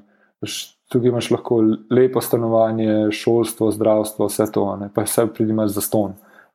Ne. Tam v New Yorku, ne, pač večino ljudi ne, ga, ga hasla. ne. Ja. pač, pač živiš iz meseca v mesec, ne, pač tam plačuješ po 2000 dolarjev za, ne vem, za garsonjero, ki jo v Sloveniji ne bi mogel dati za 100 dolarjev. Ja, ja. Veš, Tako, take stvari. ne, to Je, imaš, je tako. ne, to, seveda, zdaj, če, imaš, če pa uspeš, pa imaš full denarja, ne, pa, pa seveda se tudi kvaliteta življenja full zboljša. ne. Pač imaš lahko pol veliko več, si prvošaš vse to. Zdaj, ta druga stvar, ki pa je, pa sploh pri teh servisih, ki. Jih je pa pač valjda v Ameriki, ne, vse te aplikacije, pa vse te stvari na telefonu, naprimer, v bistvu delajo, ko je v Sloveniji jih ne. ne, ne. Ker Take stvari, tako, ful stvari, pač vse dela, ne, vse je omogočen, da dela. Pač, vem, delivery, Uber, uh, pač karkoli si spomniš, pač tam dela. Ne, vse je narejen. A Ne, tako, ja, Amazon Prime. Ne, To je kar take stvari. Ja, super. Ne, tako, rečemo, tukaj, a ne v Sloveniji, pa pač je pa ta, ne, ta pomankljivost, ne, da je pač pa ni, ne, zdaj, ker smo premehen trg, da bi se, ne, da bi sploh eh, prišli ali pa bomo prišli na vrsto enih zadnjih, ki bojo pač že vse imeli, pa bojo pa še Slovenijo prišli. Tako, to pa je pač redkost. Tako da, vem, mogoče tudi lahko pa bomo mi Slovenci pogruntali, da bomo mi sami kaj tazga naredili. Ne? Da ne bomo čakali na američane, da bojo prišli s svojimi servisi sem. Ne vem, bomo videli. Zdaj gremo pa počasi v zaključni del. Imam um, par hitrih, končnih vprašanj. Zdaj Vprašanja so kratka, odgovor pa pač, kakor, kakor lahko tudi dolgega narediš, kakor, kakor želiš. In, okay. Ampak um, začeti tam, kjer si ti uh, končal. V bistvu, um, kateri so tvoji najljubši startupi, ki jih tudi sam uporabljaš kot uporabnik in zakaj? Aha. Uh, huh. uh, Slack, to vam furat. Um, čakaj na aplikacijah, da malo pogledamo. Lahko kar pogledaš na telefon ali pa na Ja. računalnik. Ja. Takole, uh, uh, Slack imam rad, uh, Coinbase za Bitcoine, ja. pa Ethereum. Ja, ja. To, uh, da vem, če poznaš Robinhood, je Ja. tak, poznaš. No? To Samo imam me tudi rad. jezi, ker ne, ne dela, tu v Nemčiji Ja. ja. še ne dela, to bi Ja. fuorno. Ja. Tako da ja, to, uh, valjda Kickstarter, um, kaj imam še kaj tazga, kaj imam furat. Uh, za teč uporabljam Nike Running App, sem to ni startup. Ampak ja, to imam še kaj. Um, Ej, samo s Coinbaseom pa sem bil čist um, fasciniran, ko sem si ustvarjal prvič račun in v bistvu, ko so me autenti, um, kako se že tem reče, Ja, autentikacija. Um, kar preko webcama, pa slikaš kreditno kartico, in v petih minutah si v bistvu odprl račun. To sem bil pa Ja. tak, wow, gled, Nice, to pa je res nice. Ne, ne rabim Ja. iti nikamor, ne rabim iti do uh, nekoga, da me potrdi, da sem živeče bitje, pa da sem to jaz. Pač to Ja. v petih minutah, lahko kupujem bitcoin. Ne. Imam Ja. pa eno vprašanje glede tega, a ti uh, bitcoine shranjuješ v Coinbaseu ali jih daš potem v drugo aplikacijo, ki ni. Uh, ki ni, bom rekel, ki je ne upravlja en uh, startup, ampak je v bistvu bolj veš, ja. Ja. distributed. ne, v bistvu jaz sem vse na Coinbaseu. Vse imaš. Ja. Okay. Ker jaz imam Ja. enega sodelavca, ki je totalno, totalno nor na, na, na bitcoine in, in mi vse te stvari govori. In mi je rekel, ja, na Coinbase je super kupovati. Ampak je boljše, če imaš v eni drugi aplikaciji, da potem držiš denar. ne. Včasih Coinbase ima neke čudne uh, terms of use, pa, pa ti lahko kar zamrzne račun. Tada. A, to pa nisem vedel. Okay. Cool, bom, bom preveril. Drugač, uh, sta dva slovenca tudi na Coinbaseu. A res? Sta. Ja, dva slovenca sta. Ja. Ja, Tako da, imamo, imamo, ampak- če, smo, če smo tako diamanti in se vsi poznamo, imamo potem da vsi vezo tam. Ne? Lahko Ja, točno to. ja. Tako da, ja. uh, to, kjer še imam fluorat. Uh, COP, C-O-U-P, je pa ena startup v Berlinu, ki so pa uh, skuterji za rentat. In je leteli v treh minutah, sem se s, s registriral, isto tako čez web kamero, sem jih pogledal, da sem ta prav. To, in sem imel lahko električni uh, tale, kaj, um, skir, uh, ja, skuter, ja. in z iPhonom ga odpreš in se voziš lahko kjerkoli, in spusti, ga dobiš kjerkoli in pustiš kjerkoli. In so bila spunca in je bilo to neverjetno, še se imela fajn. Tri, tri dni so ga uporabljala skozi. Pač, Če parkiraš za pol ure, uh, ga lahko rentaš, ne vem, za tri evre na pol ure, mhm. ampak je pač cel Berlin, vidiš. To je res kul. Kako preverijo? Torej, tudi preko webkama preverijo, da imaš vozniško in vse. Ne? Ja, točno to. Jaz sem kar pred uh, skuterjem na cesti kazal vozniške, pa, se, pa, ima, pa so se naredili. V treh minutah je bilo to narejeno, pa, pa so se že vozili. Pa nimajo teh ja. postaj, tako kot ima uh, ta ljubljanski bicikl, ne? ampak je bolj, kaj postiš kjerkoli lahko. Ja, ja tako A, je. Cool, ja. ne, imaš te fore, veš, imaš A to A, ne, pa ja. imaš A to B, ja. to so postaje. Pa imaš pa ne vem, anywhere, je pa pač v nekem krogu, radiusu, ne? lahko posti, dobiš, pa postiš kjerkoli in na tak način imajo oni. To je fulkul, ja. To je bilo fajn tudi Slovenije imeti. Ja. Um, če smo jih pri tem, no, naslednje vprašanje. Imáš morda kakšno poslovno idejo, ki se ti zdi ful dobra, ampak veš, da sam nimaš časa, oziroma nisi v poziciji, da bi jo speljal, pa bi delil mogoče z poslušalci, pa rekel, uh, evo vam ta ideja, naj jo kdo naredi. Uh. Um, čak, imam knjigo, bom kar odprl, kaj je notebook. A, jaz sem tudi ena knjigica. Imaš, da si zapisuješ no. ideje. Ja, ja, ja kamorkoli grem, si vedno zapišem, kajšno. Pa imaš vedno ja, samo knjigico. Ja, ja, non-stop. ok. Uh, Veš, kaj si pripravljen še rad, ni, ni treba najboljših. Ja. Evo, eh, videl sem eno v Berlinu, pa v Brooklynu, uh, trgovina with no packaging, no packaging trgovina. Mm. Pač, da imaš, veš, da prijaš tja in imaš vse stvari tako pripravljene, da si jih, ne vem, a prideš s kozarcem svojim ali jih nekako tako narediš, da, pač, da je no waste. Je, uh, to, ena je v Berlinu, pa ena je v Brooklynu, sta že te dve trgovini. Se mi je zdelo full noro. In še to je pač vse stvari noter so pa lokalni predivstane od lokalnih proizvajalcev. Ja. Tam je bila full cool, mi je bilo všeč, uh, kam še. Uh, Z enim frendom sem se pogovarjala o virtual reality vacation, da imaš, bi bile kamere po celem svetu na full dobrih spotih mm. in ti si v pisarni in pa ne vem, uh, rabaš eno minuto vacationa, ja. daš gor VR in se logiraš na uno kamero na, vem, na eni plaži na Havajih in pač si tam uživo gledaš, kako oni surfajo za eno minuto lahko. Evo, bom jaz dodal še eno podobno, da, ker smo imeli podobno. Jaz sem razmišljal. Včasih veš, si malo poveličuješ neko lokacijo, prednji greš tja. Ne? Misliš, da bi mhm. pa rad šel tja, pa tja, ker sem si tam, da res tam užival. Ne? Po prijeti ja. tja pa si malo razočaran. Pa sem razmišljal, kaj bi bilo v bistvu fajn, če bi lahko šel na neko lokacijo pač v mestu. Pa bi se dal gor via ročala, pa bi dejansko doživel tisti prostor, veš kot test, ne? veš kot neki MVP, ja, preden ja. plačam, pa grem na mečenice. Uh, 10 minut, grem v tisto sobo, doživim ne samo uh, vizualno, ne, ampak tudi temperaturo, pa vse tisto, veš, da vidiš, uh -huh. da tu imaš dejansko dosti komarjev, kako se zdaj s tem spopadaš. Yeah. Ja, ja, ja. In um, ja, kul. Cool.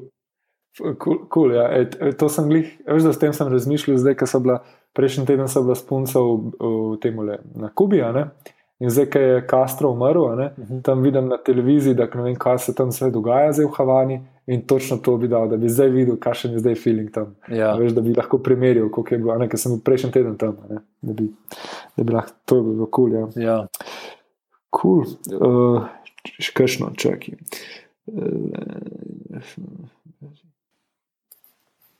Ne, se če ni, pusti. Govorimo na naslednje vprašanje. Okay. Cool. Um, To je mogoče malo sebično vprašanje, ker jaz sem zdaj star 25. Ne, in vprašanje je, kakšen svet bi dal sam sebi pri 25 letih. Uh, pa mogoče, če nas še postaviš, pa razložiš, kje si bil pri 25. Pa... ja. Evo, pri 25, ki sem točno za svoj rojstni dan, za 25. rojstni dan, sem bil v Hongkongu. Sem uh, bil z mamo, pa sestro, sem bil v Hongkongu. In uh, ja. Um, takrat, tako, kaj, tako, ne, nisi še, takrat sem glih uh, smutje, sva nekako, uh, takrat uh, sem bila pred tem, da se, da se bo to prodal, pa zaključil. Ja, pa uh, za, ja, za Flyklaj pa še nič nisem vedel. Ja. Takrat mi je mama dala full dober uh, advice. Mi je rekla, zdaj si mlad, zdaj čim več stvari ljudi sprašuj, pa vprašaj, pa probi čim več stvari pa ne rečem več napak, zato ker zdaj si mlad, zdaj ti nam noben učitu, kaj si, naro, kaj si neumno vprašanje vprašal ali pa kakšno napako to neumno si naredil. Zato ker si mlad, vsi pričakujejo, da, da ne veš. Ne? In je bož, da zdaj vprašaš, pa da zdaj napake narediš kot kar pol, ki boš, boš star. Ker pol, ki boš star, bojo ljudje pričakovali, da veš stvari, pa da, da znaš stvari narediti. Mm. Tako, ampak dino tako, da boš jih znal narediti, pa da boš vedel stvari, pa tako, da jih vprašaš, pa da jih sam probaš. Tako da jih čim več, ki si mlad, jih čim več probaš, pa vprašaš, pa narediš, da se naučiš. In da nimaš nobenega straha pred tem. Torej, imaš filozofijo, da ni neumnih vprašanj? Ne. ne. Um, Naslednje vprašanje, lahko sicer da je totalno zgrešeno, ampak bom proval vseeno. Ali imaš kak jutranji ali večerni ritual? Ja. E, zjutraj e, delam tibetanske e, vaje. To je pet vaj, ki so pač z dihanjem, pa stretching. In ja, sem to zdaj že kar nekaj let delam, vzame me 5-10 minut na dan, zjutraj, takoj ko se zbudim, to naredim in pa imam energijo za cel dan. Mm. Ja. Evo, pa še pred zadnjim vprašanjem. Imaš, um, oziroma, vprašal, kateri je tvoj najboljši nakup pod 100 evrov, ki je najbolj vplival na tvoje življenje? Hmm. pod 100 evrov. Je vplival na mene. Ja v zadnjem času, uh, ko sem se pojavil za New Yorkski maraton. To, mhm. to mi je zdaj mi je to spremenilo, cel, cel, cel življenje. Zakaj? Sem, zato, ker sem prej sem, se sem igral košarko, ampak nisem bil v tako dobri formi. Ne, tudi, Um, ta tek nisem nikoli tako nekako imel, ga fulrata, ne, ker ja. sem zdaj lahko tako sam naravno slava. Ja, ja. Ko sem se pa za maraton prijavil, sem pa rekel, da se bom moral natrenirati, jaz moram to prelavati. Ja. In sem štiri mesece pač vsak dan treniral, ne, in sem imel ta gol, ampak sem to. To se čisto spremeniš, pač seveda, prvo telo se mi je čisto spremenilo, ne, noge so zdaj bolj ratale, močne, tekaške, bolj vse tako. Sem si tudi ujačil sklepe, tudi malo sem shujšal. To, to druga stvar je pa tudi pol, ki sem mogel kašne daj 20-30 km v enem preteč. Ne. Mhm. To, kar začneš, kar razmišljaš, razmišljaš, ampak pa čisto neke nove stvari se ti odpirajo, pa razmišljaš in je to neverjetno. To prav uh, uživaš v tem, ko mi čakaš, da greš spet laufati tako dolgo, ker se to kar začnejo nove stvari odpirati. Zanimivo, viš, da dosti ljudi reče. Ampak jaz se pa še nekako ni, nekak nisem spravil k maratonu, pa tem teku, sem vedno bil bolj. Podobno kot ti, ko si rekel. Ne, da, ja. Jaz sem tudi košarko treniral, sem bil vedno bolj v teh um, rečemo, nevzdržljivostnih športih.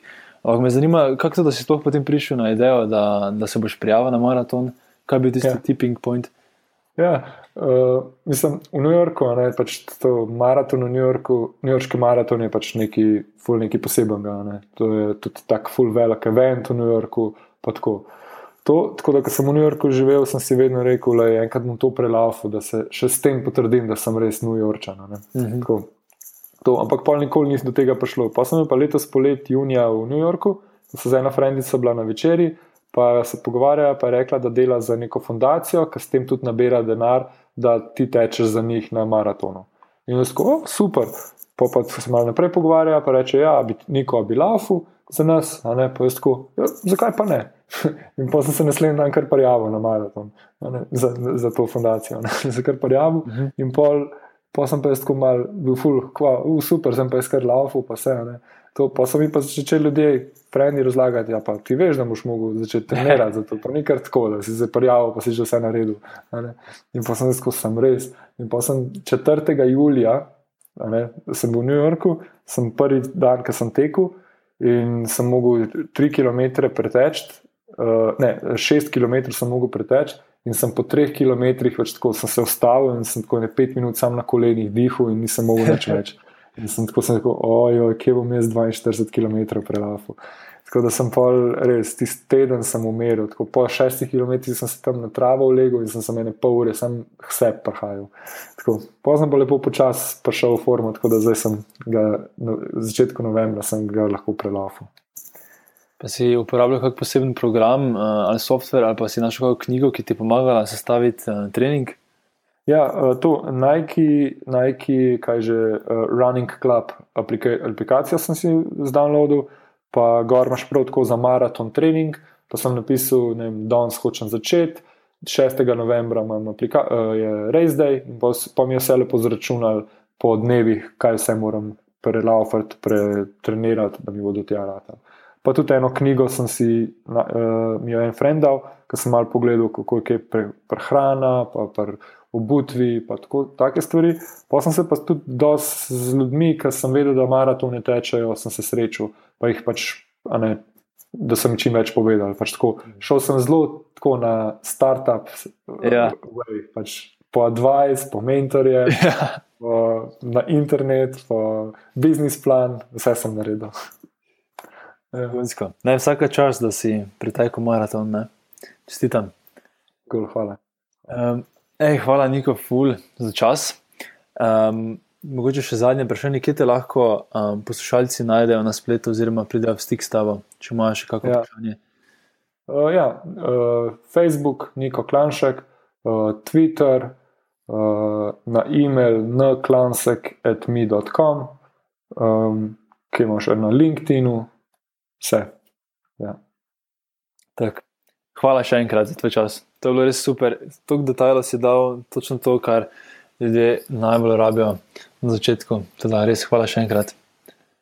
Cool. Hvala tebi. Hvala vsem, ki ste poslušali do konca. Trenutno smo še čisto na začetku s tem projektom, zato bom full vesel vsakršnega feedbacka. Teda, če imate kakršne koli komentarje, predloge glede izboljšav, predloge glede gostov, ali pa kaj vam je bilo všeč, bom zelo vesel, če mi pišete na alenfalic.afna.gmail.com. Če vam je ta epizoda podcasta oziroma ideja podcasta na splošno všeč, vas prosim, da pustite vaš komentar in oceno kar v iTunesu, ker to potem ful pomaga, da še drugi, ko iščejo, lažje najdejo, ker nas potem iTunes lepše oziroma boljše rangira. To je to za tokrat, uh, najlepša hvala.